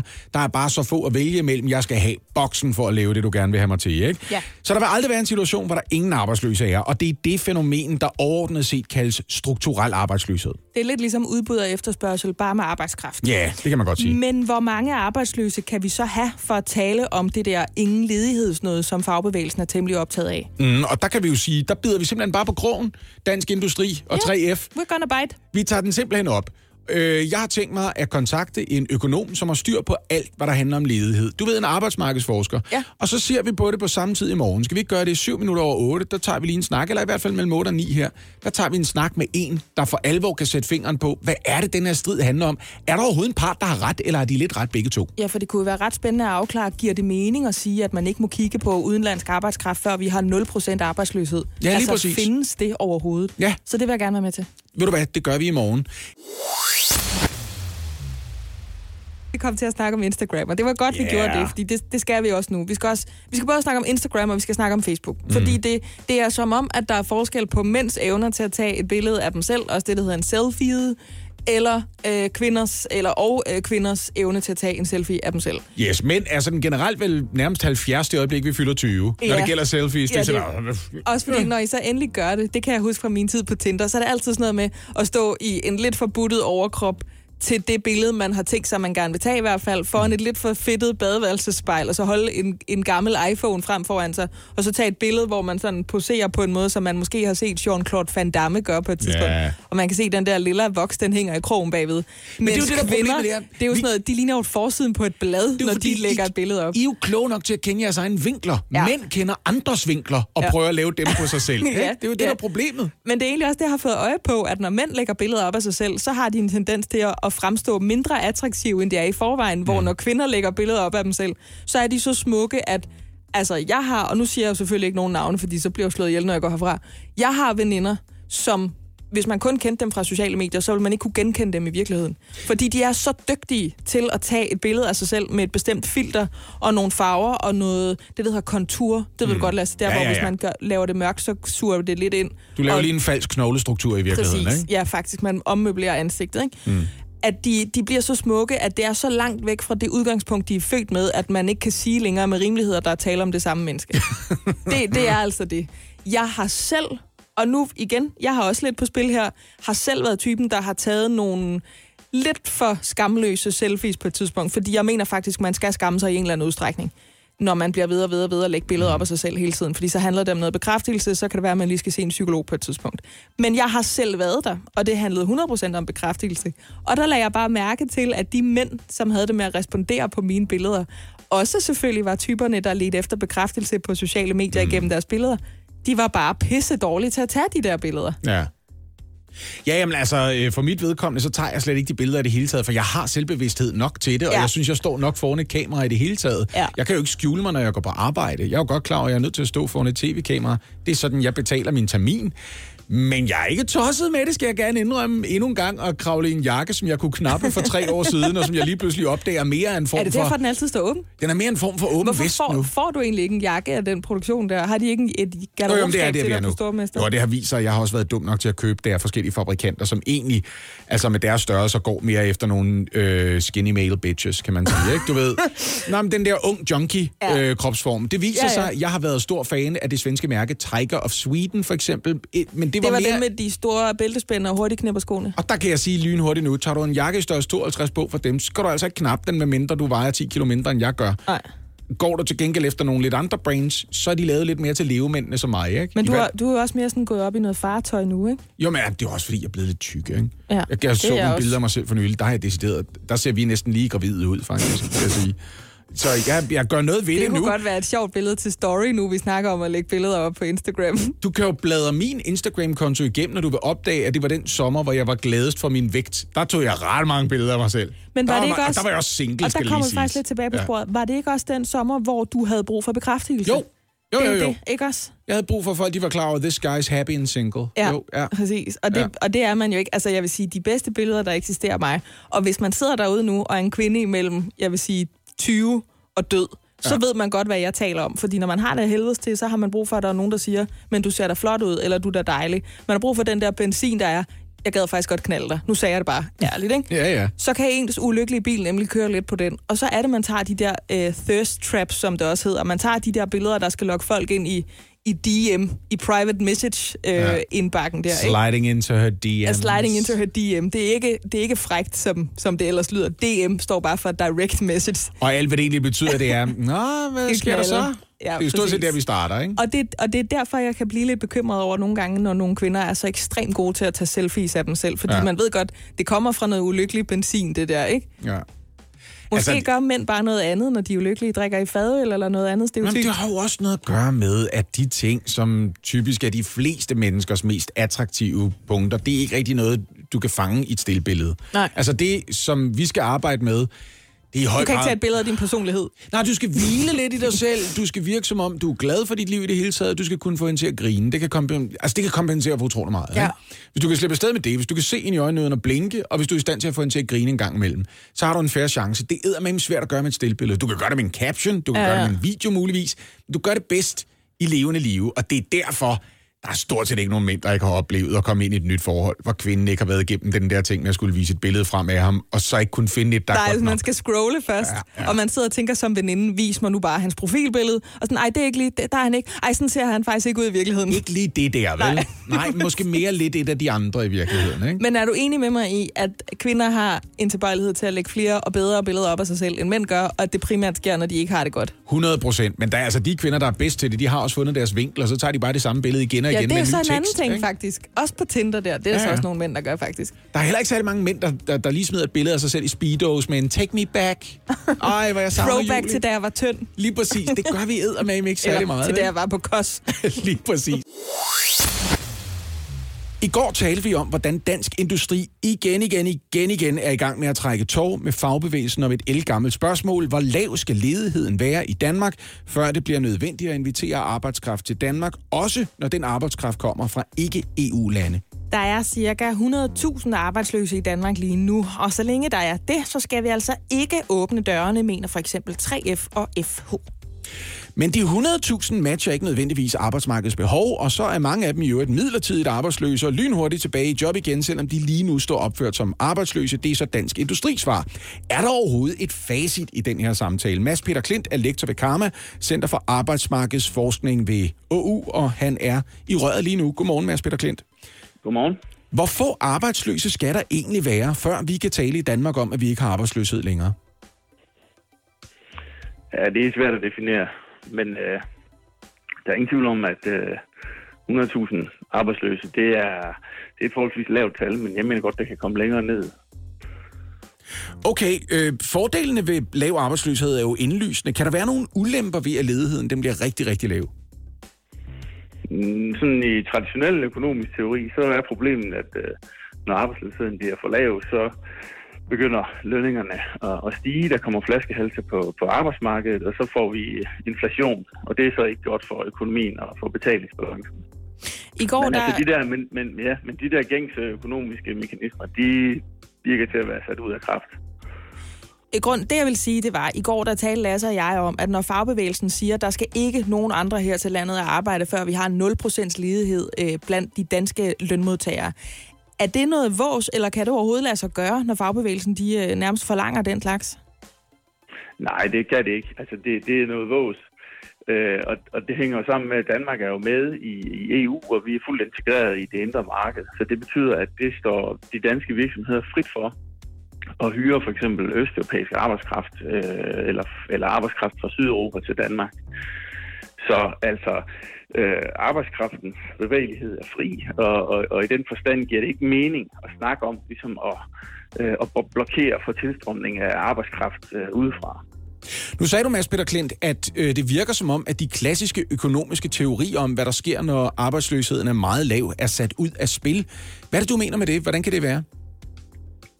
Jamen altså, vi kan jo se, at øh, selvom arbejdsløsheden virkelig er lav, og der er gang i økonomien, ikke bare i Danmark, men, men mange lande i, i Nordeuropa og USA, jamen så er inflationen stadigvæk lav. Altså, Øh, prisudviklingen øh, ligger næsten flad, og, og lønningerne stiger ikke, på trods af, at der næsten er fuld beskæftigelse. Øh, så i den forstand kan man sige, at de der øh, traditionelle advarselslamper, der begynder at blinke, når det er sådan, at, at arbejdsløsheden øh, er lav og beskæftigelsen er høj, jamen de blinker ikke den her gang. Er det det, man kalder en overophedning af økonomien normalt? Ja, lige præcis. Ja. Okay, er der nogle særlige årsager til, at det kan være, at de her klassiske formodninger, de ikke øh, træder i kraft lige nu? Er der noget, vi kan få øje på, hvor vi tænker, det er derfor? Jamen, det kan jo skyldes, at der er nogle grundlæggende strukturer på arbejdsmarkedet, som har forandret sig. For eksempel det her med, at, at vi faktisk har fået øh, åbnet arbejdsmarkedet op, så virksomheder har mulighed for at hyre arbejdskraft udefra. Så det betyder, at det, det kan godt være, at, at der er lav arbejdsløshed i Danmark, og man har svært ved at rekruttere de folk, man skal bruge i Danmark, men så kan man for eksempel øh, hvad hedder det, hente arbejdskraft ind, ind udefra, som det sker for eksempel i, i landbruget, eller i byggeriet, eller industrien, hvor vi ser, at der er rigtig mange arbejdere fra Østeuropa, som kommer, i det, som kommer til Danmark. Og, og, og det er så med til at løse, hvad skal man sige, de der flaskehalsproblemer, som ellers ville forekomme under mere normale omstændigheder. Men det handler vel også om løn. Altså nu, nu nævnte du selv øh, østeuropæisk arbejdskraft. Det handler vel om, at øh, dansk industri gerne vil have arbejdskraft billigt, og fagbevægelsen vil gerne have ordentligt betalt arbejde. Det er vel næsten en politisk diskussion, Mads Klint. Kan man ikke sige det? Jo, men, men den tilføjelse, at i Danmark, der er løn jo ikke noget, man fastsætter rent politisk. Det er jo noget, som øh, hvad skal jeg sige, forhandles på arbejdsmarkedet mellem arbejdsmarkedets parter. Og det betyder jo ikke, altså det, at der kommer østeuropæisk arbejdskraft til Danmark, betyder jo ikke, at de der øh, normale tilgang til at forhandle løn bliver sat ud af kraft. Altså, øh, vi ser jo også, at 3F rekrutterer jo også sådan i rimelig stort omfang nogle af de her østeuropæiske arbejdere, som kommer til Danmark. Så det er jo ikke sådan, at, at den danske model på den måde er, er truet. Tusind tak for at gøre sådan en smule klogere. Mads Peter Klint, lektor ved Center for Arbejdsmarkedsforskning ved Aalborg Universitet. Tak skal du have. Ja, velkommen. Prøv, vi skal noget, vi skal have sådan noget andet. Vi skal til den anden ende, kunne man næsten sige. Tak skal du have. Fordi jeg sad i går øh, og kom til at tænke på, hvor mange der egentlig får lavet større bryster i Danmark. Ja, ja. Øh, og det var lidt fordi, vi har jo lige talt om det der med, hvor mange der tager solarium. Og så har vi fundet ud af, at andelen af danske kvinder, der tager kunstig sol, er halveret på 10 år. Mm. I, altså, man må formode det, fordi kvinder reagerer godt på skræmmekampagner, imens den andel af mænd, der tager sol i Danmark, kun er faldet med 1%. Mm. Så det vil sige, at mænd har altid taget mindre sol end kvinder, lige indtil nu, fordi dem, der altid har taget sol, de er bare blevet ved. Ja. Og så kom jeg til at tænke, at vide, om der er en sammenhæng imellem dem, der tager sol, og dem, der får lavet bryster. Ah! Og det kan jeg så kom- konstatere, det er der ikke. Nå. Fordi der er mange flere, der får lavet bryster, end kvinder, der tager sol. Mm. Jeg gik simpelthen ind på øh, Sundhedsdatastyrelsen, det kan man nemlig, og så fandt jeg de eksisterende tal på, øh, det opgør man jo år for år, for plastikkirurgi. Der er jo alt muligt der. Der er jo, der er jo, ja, der syv mennesker, der havde fået fjernet noget slap hud på ryggen, kunne jeg se. Okay. Så scroller jeg helt op øh, til en af de mest populære kirurgiske operationer i Danmark. Øh, nummer et, det er jo et reducering af øjenlåg. Og oh, det kunne jeg godt finde på. Og så kan jeg se, at i 2018, øh, der var der 2700 kvinder i Danmark, der fik lavet silikonbryster. Hvor mange siger du? igen? 2700. Det er ret mange kvinder. Ja, det, det er mere end en om dagen jo. Så meget kan jeg sige. Jamen, og det er jo det, ikke? Altså, i Faktisk godt at sige, det er nogle 2016, stykker der var, det, der var det 1900 kvinder. Året efter var det 2500 kvinder, og sidste år var det så 2700 kvinder. Der er altså sket en fuldstændig eksplosiv stigning i antallet af kvinder, der vælger at lavet Jamen, der er, også, det er sikkert også mange kvinder, der har måske en lille barm, eller synes, at deres bryster sidder en lille smule på den gale måde, som Men ender med at sidde der- og se de der, hvor folk de knaller i en pool et eller andet sted på tv og tænker, jeg kunne også få sådan nogle pæne bryster der, jeg skal bare spare op til det. Tror du det? Det? Ja, det ved jeg sgu ikke, men det kunne da godt være en del af det, at man går med den der... Jeg kender en del kvinder, som siger, at de har, har altså arbejdet med den drøm eller ambition, for de har været sådan noget 17-18 år, og så til de har været først i 20'erne, så de enten droppet den eller realiseret den. Fordi det bare, jeg blev bare overrasket, fordi jeg synes, modebilledet har ændret sig meget hen imod noget, noget naturlighed, noget sådan, det, ligesom da økologi blev smart. På samme måde synes mm-hmm. jeg, at den der helse og sådan parfumefri verden og nogle gode økologiske, bæredygtige mærker har været smart. Ja. Og der kan jeg ikke få det der med silikonbryster til at passe ind. Men det er åbenbart stadigvæk noget, man gør, for vi har aldrig fået lavet så mange kunstige bryster i Danmark. Det sker i hvert fald mere præventivt, sådan i forhold til, at jeg vil gerne have nogle større bryster, der sidder på den der helt bestemte måde, snarere end sådan noget, der er plastikkirurgisk hvor man kan sige, i gamle dage talte man om blyantstesten. Kan der sidde et blyant, en blyant under brystet? Der Ja. vil jeg sige, prøv at, hvis der kan sidde et penalhus, så kan jeg godt Jeg forstå, at du det går til en kirurg. Ja. Oliver, du rækker hånden op. Er det noget, du Nå, men, gerne nå, det er mere fordi, at der er kommet, jeg tror, der er kommet sådan en normalisering i blandt det her med at få silikonebryster. Og hver gang jeg taler med nogen om det, øh, med kvinder eller, eller, Og det gør eller du tit. piger, hvad det skulle være. Ja. Ja. Jamen, jeg har haft samtalen op og vente et par gange, så jeg tror, den sætning, som jeg hører mest omkring det her, det er, altså, jeg vil gerne have dem lavet. De skal ikke være sådan unaturligt store, men bare sådan pænt store, okay. så de Okay. ser pænt ud. Ja. Men jeg synes ikke, der er noget... Jeg synes ikke, det er særlig pænt, altså som sådan. Ja, vi er Men nogle det er så stykker, det der godt kan lide små bryster, skulle jeg hilse at sige. Fordi det er jo... Nå, så er der gifter dig helt forkert. Nå, nå, men jeg kan også lide store bryster. Det, min pointe er bare, at det er ikke sådan, at størrelsen gør en forskel for, om jeg kan lide dem. det er det, jeg mener. men det, så er du faktisk inde på noget af det, jeg gerne vil spørge om. Fordi jeg synes, det er en klassiker, at man spørger mænd, hvad kan du bedst lide? Naturlige bryster eller silikonbryster? Mm. Og så er det ligesom om, I har alle sammen vedtaget på et møde, I har holdt i en dag her lidt eller andet sted. Vi siger, at vi bedst kan lide de naturlige bryster, men vi bliver ved med at lægge op til kvinderne, der har meget store opererede bryster. Ja, det ved jeg sgu ikke Er det det, I rigtigt. gør, eller hvad? Nej, det gør jeg i hvert fald ikke, Nej, vil det jeg gør jeg sige. altså ikke. Nej. Jeg har, jeg har altid bare godt kunnet lide Bryster. tilgængelige bryster, vil jeg sige. De er rigtig dejlige. Ja. Sådan nogle, man de kan gode få, bryster er de tilgængelige det bryster. er dem, man Det er kan dem, få fingrene i. Det kan jeg godt lide, ikke? Ja. Det er dejligt. De er gode. Okay, ikke? fordi jeg har en eller anden oplevelse af, at der er forskel på, hvad man siger og hvad man gør. Og de- du ved, det ved jeg. Når det hvis kommer du, til hvis du, hvis du ligesom spænder præsendingen for hårdt, så kan jeg da også godt forestille mig, at det kan være en hård oplevelse, men altså de kunstige... Man kan eller- også have en forløs præsending, måske. Nå, men jeg vil sige, de kirurgisk forstørrede bryster, øh, jeg har været så heldig at få lov til at røre ved, øh, de har da været rare at være i nærheden af. Jamen er de det? Ja, jeg har, det jeg synes har jeg, aldrig det rørt ved et par silikonbryster. Jeg tror bare, at mænd har sådan lidt en idé om... Gud kommer- nej, det har jeg. Det passer ikke. Har du rørt ved Ja, silikonbryster? jeg har engang haft hele mit ansigt inde mellem brysterne på Susan K. Nå, ja, ja. Ja. Det er Det, det, det, det, det, det, jeg kigger stadigvæk spørgende på dig som, og hvad var resten af Og jeg, historien? men jeg vælger ikke at fortælle mere af den. Det var bare fordi, jeg kom til... Jeg, sidder, jeg er jo meget fixeret på min egen krop lige for tiden, fordi ja. den ændrer sig, Ja, ja. og den bliver større. Og så kom vi til at snakke om det der med det solarium, kom vi lidt til at snakke om det der med brystoperationer. Skal man måske have gjort det på et tidspunkt, når man er færdig med at arme, mm-hmm. alt det der, ikke? Ja, ja. Og så kan jeg så se, jamen hvis jeg gør det, så er jeg virkelig ikke alene, fordi vi har aldrig fået lavet så mange silikonbryster, som vi får lavet i Danmark lige nu. Jamen, så har du måske også bedre med tanken om, det kunne godt være en ting. Men det bakker jo egentlig også om det der, altså Oliver siger, med at det bliver normaliseret, ikke? Det Mænd, tror jeg 100% det gør. mænd er jo bare bange for at komme i nærheden af en kvinde, som på et eller andet tidspunkt vælger at få den der Tori Spelling-kavalergang. Ikke? Jeg tror måske mere, det er det, det handler om, Nå, når fordi det kommer de kan blive skæve. Jamen, eller de der, hvor der er sådan nogle mærkelige folder nærmest, ikke? Fordi det nærmest trækker i huden, fordi du har spændt det for hårdt, ikke? Det ved jeg ikke. Er det det? I Bygma har vi ikke hvad som helst på hylderne. Det er derfor, det kun er nøje udvalgte leverandører, du finder i Bygma. Så vi kan levere byggematerialer af højeste kvalitet til dig og dine kunder. Det er derfor, vi siger, Bygma. Ikke farmatører. 3F er fagforeningen for dig, der bakker op om ordentlige løn- og arbejdsvilkår i Danmark. Det er nemlig altid kampen værd. Bliv medlem på 3F.dk og få en masse fordele og muligheder, som blandt andet fri adgang til alle 3F Superliga-kampe til dig og en ven, løntjek, hjælp til efteruddannelse og meget, meget mere. 3F gør dig stærkere. Har du en el- eller hybridbil, der trænger til service? Så er det Automester. Her kan du tale direkte med den mekaniker, der servicerer din bil. Og husk, at bilen bevarer fabriksgarantien ved service hos os. Automester. Enkelt og lokalt. Der er kommet et nyt medlem af Salsa Cheese Klubben på MACD. Vi kalder den Beef Salsa Cheese, men vi har hørt andre kalde den Total Optor.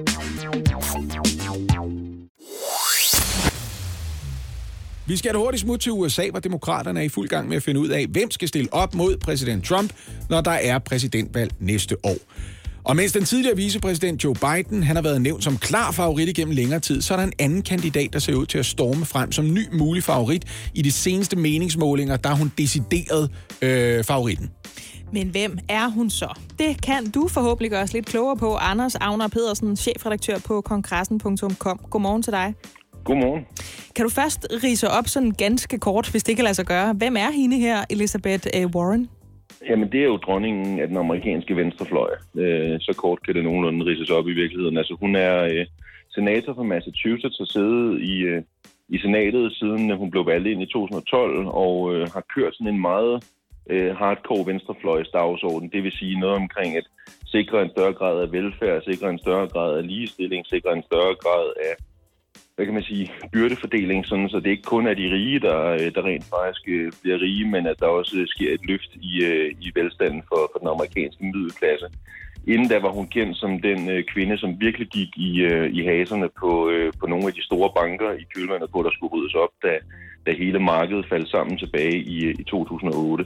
Så Elizabeth Warren, det er altså venstrefløjskrigeren nummer et, og man kan sige, at mange havde allerede på venstrefløjen håbet på, at hun ville stille op i 2016. Der valgte hun så at lade være. Bernie Sanders kørte med, øh, med venstrefløjsshowet i stedet for, men nu er hun på banen, og hun stormer frem. Hun er vel strengt taget en amerikansk socialdemokrat, er hun ikke det? Jo, det kan man vel godt nogenlunde kalde det. Altså, hun går i hvert fald ind netop for, for at, øh, at staten rent faktisk får lov at spille en rolle i amerikanernes liv. Det er jo et ret kontroversielt standpunkt for mange, men, øh, men hun er virkelig af den opfattelse af, at der er altså brug for regulering. Der er brug for, at man også spænder et velfærdsnet ud, som, øh, som kan gribe folk, når de falder. Fordi det er ikke nogen hemmelighed. Hvis man falder i det amerikanske samfund, så skal man altså sørge for at selv at stanse faldet. Der er ikke nogen, der griber dig, før du rammer bunden. Og det er det, hun gerne vil prøve at lave om på. Hvordan, øh, hvordan adskiller hendes øh, politiske synspunkter så, så fra eksempelvis øh, Joe Bidens nu? Vi siger, hun er en amerikansk socialdemokrat. Ja, man kan sige, at Biden er lidt mere en moderat herre. Altså hvis man sådan nogenlunde skal bruge skalaen med højre, venstre og midten, så ligger Biden øh, helt ind mod midten. Måske en lille my til venstre for midten, men han er helt inde omkring midtercirklen, hvorimod er Warren, hun er ude på venstresiden. Altså det er fløjen, hun, øh, hun definerer, og, øh, og det kommer så blandt andet også til udtryk ved, at hun har sagt, at hun vil ikke have øh, penge fra alle de her store donorer. Hun vil ikke have penge fra lobbyorganisationer. Hun vil kun øh, kører en regulær græsrodskampagne, altså med små donationer på små beløb fra almindelige borgere, sådan, så hun på ingen måde bliver framet som værende der er i lommen på, på storindustrien, for det er tit den kamp, som hun har kæmpet, nemlig at øh, hun vil ikke have, at politikerne i virkeligheden bare er marionetdukker for, for de store lobbyorganisationer. Og det øh, kan man sige, den standard, hun har været med til at sætte der, det har hun også sat sammen med Bernie Sanders, men det har altså gjort, at alle de andre kandidater har måttet følge trop, fordi det så ikke så heldigt ud, hvis Joe Biden han sagde, om jeg vil da godt have nogle af de der penge, jeg kan godt være lidt i lommen på dem. Det kunne man ikke rigtigt, og det er blandt andet på grund af Warren, at vi har set den ændring den her gang. Der er to forskellige debat, øh, debatformater, når sådan præsidentkandidater de skal mødes, og øh, den ene af dem, hvor de ikke bare står ved en række pulte, den kalder de en town hall. Der kan folk blandt publikum stille spørgsmål, og så er det bare en samtale mellem borgerne og politikerne. Og forleden, der fik Elizabeth Warren et øjeblik, som gik nærmest viralt, også blandt danskere, som interesserer sig for amerikansk politik, har jeg opdaget. Vi kan lige prøve at høre det kort her. I'm old fashioned, and my faith teaches me that marriage is between one man and one woman. What is your response? Well, I'm going to assume it's a guy who said that. And I'm going to say, then just marry one woman. I'm cool with that. Assuming you can find one. Og så gik publikum amok umiddelbart bagefter. Der er hun så også blevet lidt anklaget for at fyren, der stiller det her spørgsmål. Han er lidt sat op til at gøre det. Han er en af hendes trofaste politiske støtter, som lige har sat hende op til en hurtig joke. Men hold nu op! Det er noget, der har fanget også danskernes opmærksomhed, det her. Mm, ja, det må man sige, og det er jo klart, at det, altså, LGBT-dagsordenen er jo øh, noget, som fylder meget i, øh, i hvert fald i den demokratiske primærvalgkamp nu her, og det, der fanger hun en, en tidsånd, øh, og det gør hun godt. Altså, øh, det er et, et vigtigt område, hvor at kandidaterne øh, kappes om, hvem der kan positionere sig stærkest og være mest pro-LGBT, kan man sige. Og der må man sige, der fik hun altså virkelig øh, sat et stød ind her, Warren, som, øh, som virkelig tog kejler. Lige her til sidst, eh, Anders Agner Pedersen, altså chefredaktør på kongressen. Har hun en reel chance for at blive eh, demokraternes præsidentkandidat, tror du? Ja, ja, det har hun. Altså, om det ender med, at hun bliver det, det er simpelthen for tidligt at sige definitivt noget om endnu, men hun er en af dem, som vi skal holde rigtig godt øje med. Hun er en af dem, der står med bedst kort på hånden, og øh, reelt set er der kun en lille håndfuld, der rent faktisk kan blive det, og øh, hun er absolut en af de to førende kandidater. Den anden, det er Joe Biden, men vi skal holde rigtig godt øje med senatoren fra Massachusetts. Hun kommer til at spille en rolle hele vejen frem til valgdagen. Og det kommer vi til at gøre. Tusind tak skal du have, Anders Hammer Pedersen. Selv tak. I want to break free. En effektiv måde i øvrigt at starte en øh, skilsmissesamtale på. Det er lige sige, skat, jeg har noget, jeg gerne vil sige. Og så bare Men Freddie Mercury siger det bedre.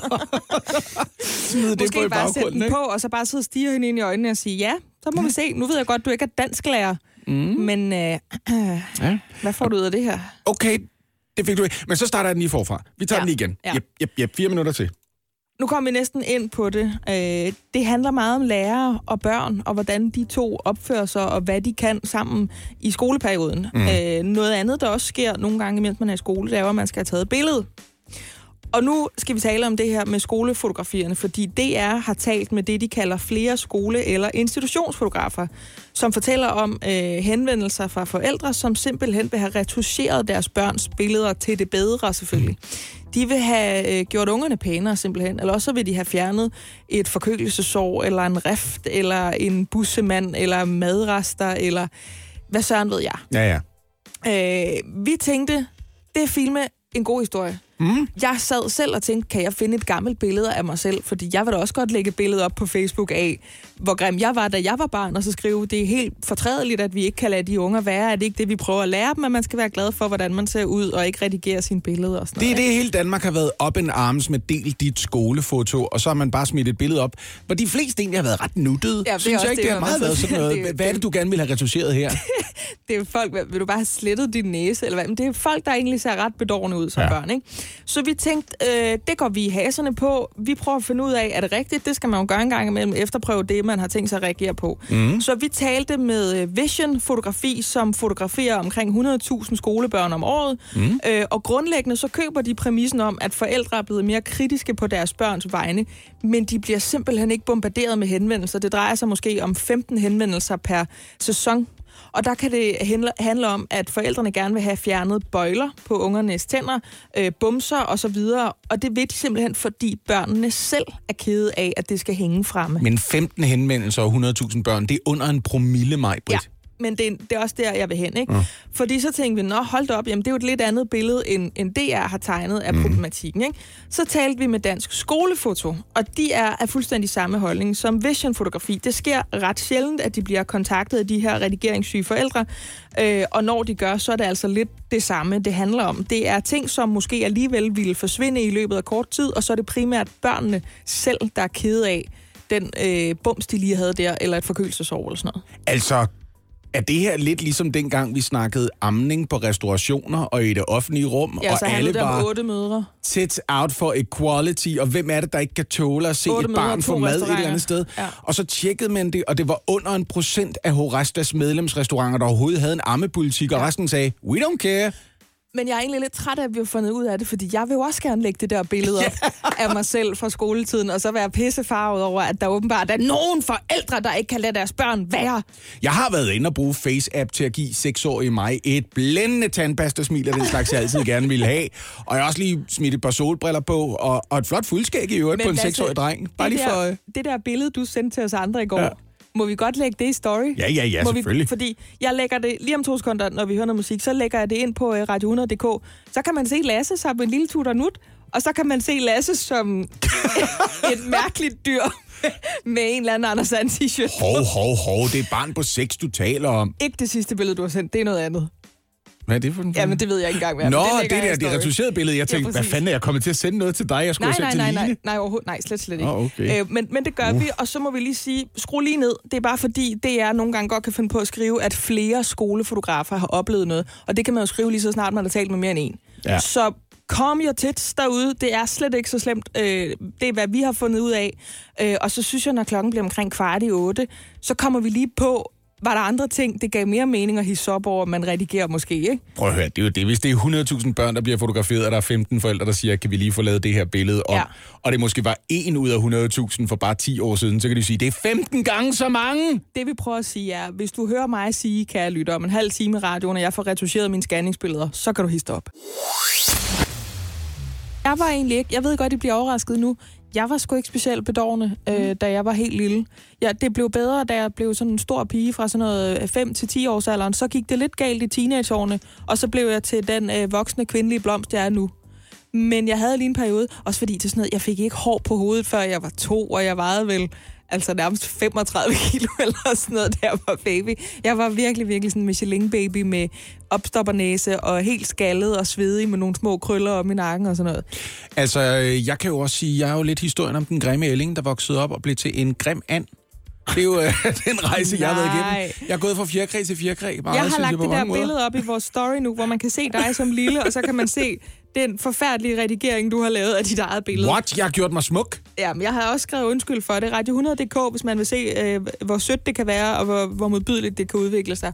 Og grunden til, at vi snakker om det her, det er jo fordi, vi har altså gravet lidt, en, altså måske lidt spadestik dybere i det her med skolefotografierne, der efter sine skulle blive redigeret, retuscheret af skolefotograferne på forældrenes henvendelse. Det er det, alle har snakket om på sociale medier det sidste døgn. Alle har lagt skolefotos op, eller skrevet jokes om det. Man alle har talt om ikke det. kunne stå for den der fristelse, som var at skrive, nu kan det være nok med det perfekthedskultur. Børn er bare dejlige, som de er. Mm. Og det viser sig så, når man ringer rundt og spørger de forskellige, at det er ikke helt så stort et problem, som DR måske har udlagt det til. Fordi dansk fole- skolefotografi og vision skolefotografi, der mellem sig fotograferer op imod 200.000 børn om året, de siger, at vi får måske sådan noget 15 henvendelser. Og det handler meget om sådan noget med måske en bøjle, man gerne lige vil have fjernet. Og det er som regel, fordi børnene selv er kede af, at det skal hænge i forældrenes stue. Jamen altså, øh, tit er det jo bare hyggeligt ligesom at pege på et lille bitte mindretal og blive enige om, det skal det ja. I hvert fald ikke være sådan der. Som da min gode ven og kollega Torben Chris på et tidspunkt sagde, at man skal kunne tage et bad med sine børn, for eksempel. ikke? Og det viser sig, at der var faktisk ikke så mange, der var imod det, Nej, egentlig, nej. når det kom til stykket. Men det føles jo godt ind i maven at kunne ja. få lov at lægge de billeder op, ikke? Ja. Jeg sidder sådan og tænker på, kan vi komme på andre tilfælde, hvor det giver øh, altså mindre mening, end at redigere sine børns skolefotos? Øh, Kunne det være sådan noget... Altså, jeg tænker da på, om jeg skal have retuscheret mine scanningsbilleder. Jeg ved ikke, ser hun lidt tyk ud på de billeder? min, øh, min ufødte baby der, man laver lidt med hendes ansigt. Og den måske. der navlestreng, den har hun ikke længere. Kan hun Nej, godt men jeg synes den, måske så? også, altså lidt tyk navlestreng, måske lidt tykke lårbensknogler, det er sådan lige... Og jeg ved ikke, om det er en god idé. Jeg, jeg Nej. ved, at hvis jeg var Messias, ikke? så ville jeg have fået Ja. ja. fjernet øh, Judas på den sidste nadver. Bare lige en hurtig pensel Så man retuscherer et andet menneske Ja, bare ud. lige fjerne ham. Prøv lige at høre, han forrådte mig. Hvad fanden, han skal ikke være med på billedet. Nej, nej, vi var 11 og mig den aften. Ja. Jeg har også tænkt på, måske sådan nogle fotofældebilleder, der ser man jo aldrig særlig flot ud. Dem kunne de da godt lige gøre lidt skub lidt til en næseryg, eller fjerne noget plud under halsen, inden de sendte dem ud. Ja, til de priser. Ja, Det var meget fedt. ja til de priser. Man kunne godt retuschere familiebilleder, ikke? Ja. Fordi ja. i hvert fald, altså min familie, ikke? Ja. Altså de andre, eller hvad tænker Ja. du på? Bare lige, bare lige ud. Øhm, Så det var et portrætbillede til sidst, eller hvad? Undskyld, det her billede fra juleaften. Kan du få min far til at se ud, som om han er stolt af mig? Ja. Er det muligt? Kan man retuschere den der grundlæggende skuffelse i mine forældres øjne væk? Kan du få mig til at ligne en, der er gået på CBS i fire og et halvt år? Ja, det ville da være en mulighed. Ja, jeg Ja. synes bare, vi, vi var lige nødt til at hive fat i den her, fordi nogle gange, så skal man bare sige, jeg kunne godt tænke mig at lægge et billede op af mig selv fra min skoletid. Man mm. behøver måske ikke nødvendigvis at hoppe med på farvelsestoget, fordi det er sjældent så galt, som det ser ud til. Det er fordi, det er fredag. Jeg kan Ja, ikke styre det. Jeg er ked af det. Men nu er det jo, at vi har holdt øh, lytterne simpelthen i et jerngreb, fordi jeg sagde før, er det dig derude, der sidder og er nervøs for, er min tissemand for stor, så bliv lige her på kanalen, fordi så får du et svar. Og nu tager jeg et fast greb om roden af Det er problemet. Problemet, ikke? Ja. Øhm, jeg har nemlig fundet et universitetsstudium, et såkaldt metastudie. Det er sådan et, der samler en lang række for, forskellige andre universitetsstudier, Ja. øh, hvor forskere på en lang række forskellige universiteter over hele verden øh, har prøvet at gennemskue, øh, hvor stor er den gennemsnitlige penis. Bare så vi kan få et svar på det. Mm. Og så derefter, hvad synes kvinder er tilfredsstillende? Og så endelig, hvordan har mænd det selv med deres tidsmandsstørrelser? Så det er en tretrins- tretrinsraket. Vi starter øh, ved, ved roden, Videnskabeligt. og vi, og vi slutter helt op ved kronen, Glansen, ikke? ikke? Yes, Yes. glans kan vi også godt kalde det. Ja. Ja, den Ja. er jeg med på, hvis Okay, vi endelig skal bruge øh, tidsmandsbilledet, ikke? Lad os, Take lad os komme i gang. Jamen, jeg er ikke blevet særlig meget klogere af det her, fordi konklusionen, når man har kigget ud... Prøv at høre.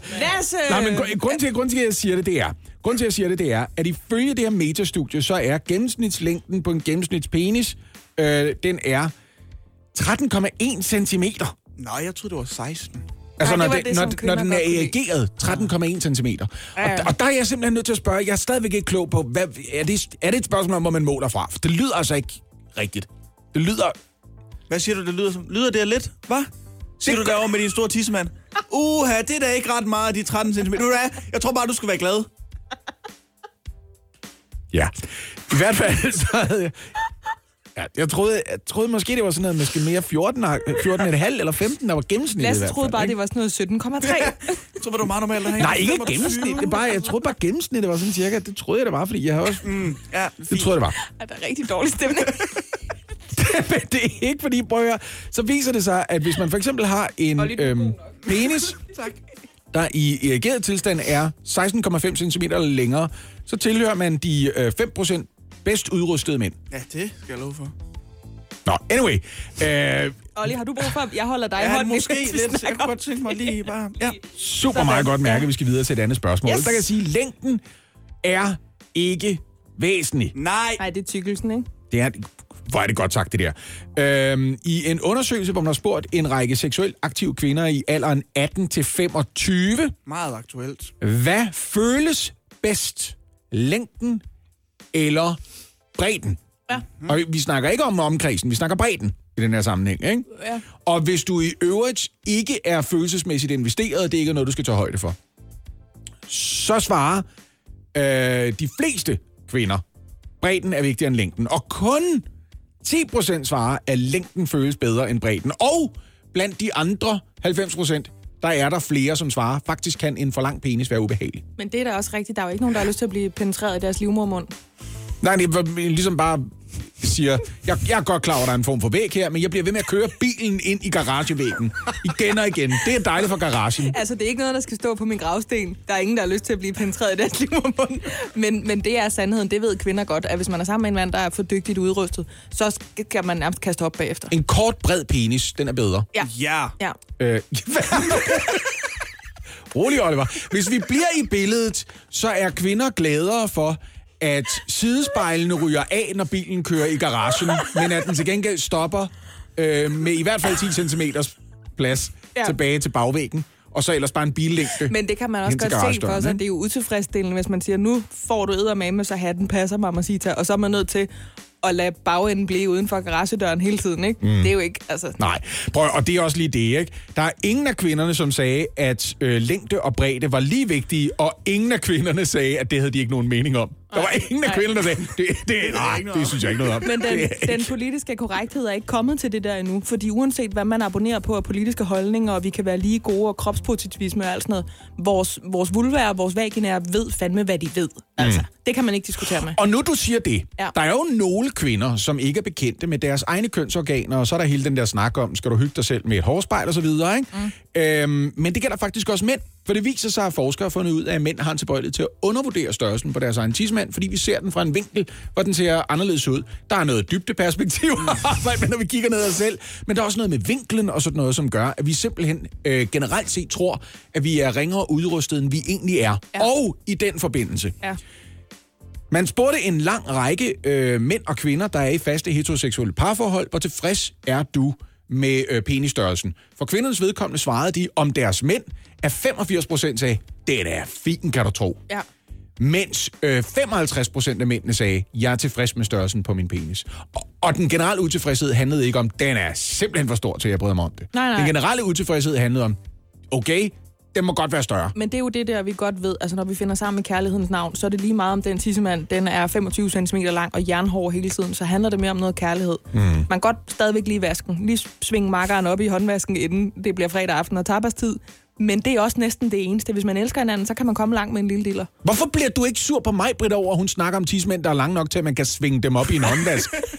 Du får det til at lyde, som om man sætter den i blød eller sådan noget. Så prøver jeg at sætte der sidder havregryn på siden og alt muligt. Jeg kan jo ikke. Det er sådan en lasagnefad. Ja, lige præcis. Man kan godt lægge den i blød, og så stå og pille med et eller andet ude i køkkenet, mens... Det er jo, det er jo mere sådan uh, ungkale, de vasker op, ikke? Det er meget noget med, nej, nej, nej, den står i blød. jo. Man sætter den i blød, til Ja. den bliver ren. Ja, lige præcis, ja. ikke? Nå, så bliver vi lidt klogere på tidsmandsstørrelse, ikke? Tak for dejlig selvtillid sådan en fredag. Jamen, det var så lidt, og Olli, god weekend. din diller er fin. Ja, det kan godt være, du har en stor tidsmand, men dine testikler skulle ikke falde ned endnu, hva'? De sidder, øh, de, Rigtig, rigtig skønt arbejdsmiljø i hvert fald herinde. de sidder lige under brystvorterne lige for tiden, skulle jeg så sige. Det Prøv, er, at- det her det kan vi faktisk slet ikke tillade os, fordi vi har et ansvar her over for vores praktikant, som hedder Cecilie, som skal Mm. have et ordentligt billede af den her station. jeg er enig. Hej Cecilie. Er det ikke lidt for sent, eller hvad? Jo, og det må du også undskylde, og det skal vi også have talt om. Men jeg har jo skrevet en blankocheck, du bare kan tage med ind til HR-chefen og sige, Lasse indrømmer det Jamen, hele. det er ikke sådan, man gør mere, Lasse. det nu er det mere klar. noget med bare kontinuerligt at opføre sig ordentligt. Nå, okay, det kan jeg ikke finde ud af. Cecilie, det er blevet quiz-tid, er det ikke? Det er det nemlig. Jeg har en række lækre citater med fra jer, som I har sagt i løbet af den her forgangne uge. Så ja, og der er ikke guldkarameller på højkant, men slik, fredagsslik. Haribo. Det er lige før, det er sådan noget ASMR, du laver der, når du sidder og knitrer med den pose. Er det ikke Det, lækkert? det, det hader Lasse. Jeg kan godt lide Nå, det. Ja, men den er til dig, Maja Britta. Hvis det, du knitrer med, det er slik, så kan jeg godt lide det. Så kan du godt være med. Ja, Skal det vi bare høre det første, Cecilie? Jamen, det synes jeg. Husk, Du at de skal... er aldrig mutters uden at være alene. Nej, jeg var så ivrig efter at komme i gang. Jamen, Vi får den igen, ja. fordi Cecilie var ikke færdig. Jamen, jeg vil bare sige, husk, at de skal gætte, hvem det er, der har sagt det, og konteksten. Tak. Undskyld, jeg var så ivrig. Det er fordi, når, når det er quiz, så er jeg bare sådan, jeg slår med terningen, og lad os se at komme i gang med det der bedserviser. Jamen, bare kom, Lasse. Du er aldrig mutters uden at være alene. Ja, og, der, og det er mig, der siger det, men jeg kan fandme ikke huske den kontekst. Nej. Det er den, der får mig hver Du gang. mutters uden at være... Det Du det aldrig med- mutters Man uden at siger, være aldrig, alene. man siger aldrig duber. Det er altid super duper. Man Ja. er heller aldrig mutters. Man er mutters alene. Ja. Man er ikke mutters sammen med nogen. Nej. Nej. Nej. Det er jo ikke det, vi taler om hvad- overvågning, vel? Hvad er det, Lasse er for tiden? Tyk. Græs, Inge, mand, nu stopper vi. Prøv at jeg er udelukkende tyk for at få min tidsmand til at se mere normal ud, ud. ja. Øh, snakkede vi om snakkede vi om det der med, om, om man var mest effektiv, når man var alene eller sammen med nogen? Lige præcis. Åh, oh, for pokker. Der er to point til dig, Så fik man en polet. Ja, Fedt. Hmm. lige i posen. Ja. Vil du have den næste? Ja. Undskyld, nu kører jeg den. De tilgængelige bryster er de bedste bryster. Det er Lasse Remmer! Ja, og du kan også konteksten. Bryster. Det er ikke Lasse Remmer. Nej, jeg tror nemlig, det er mig, der... Jeg tror, det er noget, du... Jeg tror, jeg citerer dig for at have sagt det tidligere, men du... jeg sagde Nå. det der. Jamen, jeg siger til jer selv Ja. sikkert nogen, så det er meget Lasse fint. siger det jo et par gange om dagen. Ja, ja det er jo mig, der sagde det der, og, og jeg sagde det i går. Øhm, Konteksten var dem der... konteksten var de store silikonebryster. Præcis. Ja, som flere og Ja. flere får. Nå, for fanden. Ja, okay, ja. Today's. Til Må jeg dig. Yes, okay. Jeg er efterhånden kommet i den alder, hvor det ville klæde mig med nogle fillers, men hvor skal de være? For der er mange steder, hvor jeg er fyldt helt ud. Jeg synes, der er flere steder, hvor jeg kunne bruge nogle MT'ers. Ja, den var lidt længere. Den, det ved jeg godt, det er Lasse. Der er mange steder, hvor jeg er fyldt helt ud. Ja, men det har Nå, du selv det er sagt. huden, jeg har ja, fyldt og ud, det var ja. så sjovt, fordi når man siger fillers, det er jo bare sådan et bredt udtryk for, at man får plumpet noget op, typisk læberne eller kindbenen eller en krum næseryg. Mm. Og du kaldte det emptiers. Ja. det du havde brug for, altså tømmer. Og jeg vil våge den påstand, at det var i silikoneforbindelsen. Ja. Øh, det er ikke rigtigt. Uh. Det var også... Er der andre bud? Ikke fra mig. Vi har haft den kategori før, eller mm. det emne. Effektivitet? Nå, det, var- Ja, ja. Var det det? det var det. Nå. Det har jeg skrevet ned. Hvorfor? Ja, okay. Men så var der ikke nogen, der vandt der, vel? Må vi, skal vi lige repetere, at øh, indtil videre har jeg 0 point? Ja. Okay. Og mig og Olli har en på lidt hver. Ja. Øh, Majbrit har, har, har tre i alt. Du Har kan have kontekst, og øh, at det var dig selv. Ja, Jamen altså, ja, okay. jeg glemmer selv, hvor god jeg er nogle gange. ja. Ja, det er ikke en af de øh, øh, quizzer, hvor jeg excellerer. Det vil jeg gerne indrømme. Det er, ja, okay. Det ligner lidt en lys hundelort med en støvsuger i hovedet. Til mig. Det er dig, der beskriver øh, bjørnedyret. Bjørnedyret, ja. Ja. ja. Det Som er meget modstandsdygtigt, robust dyr.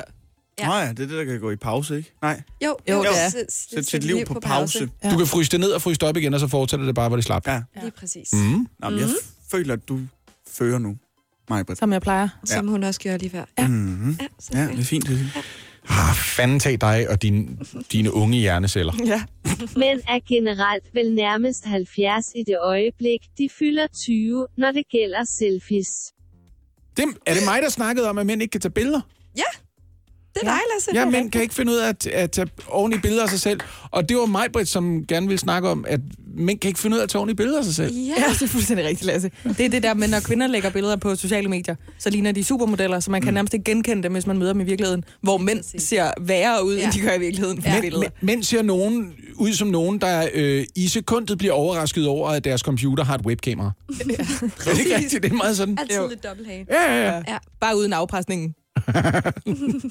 Vi formåede at sparke bolden ind i de andres net fire gange, imens de selv ikke fik bolden ind i vores net nogle gange. Det er mig, Britt, der laver sportsdækning af Danmark-Luxembourg.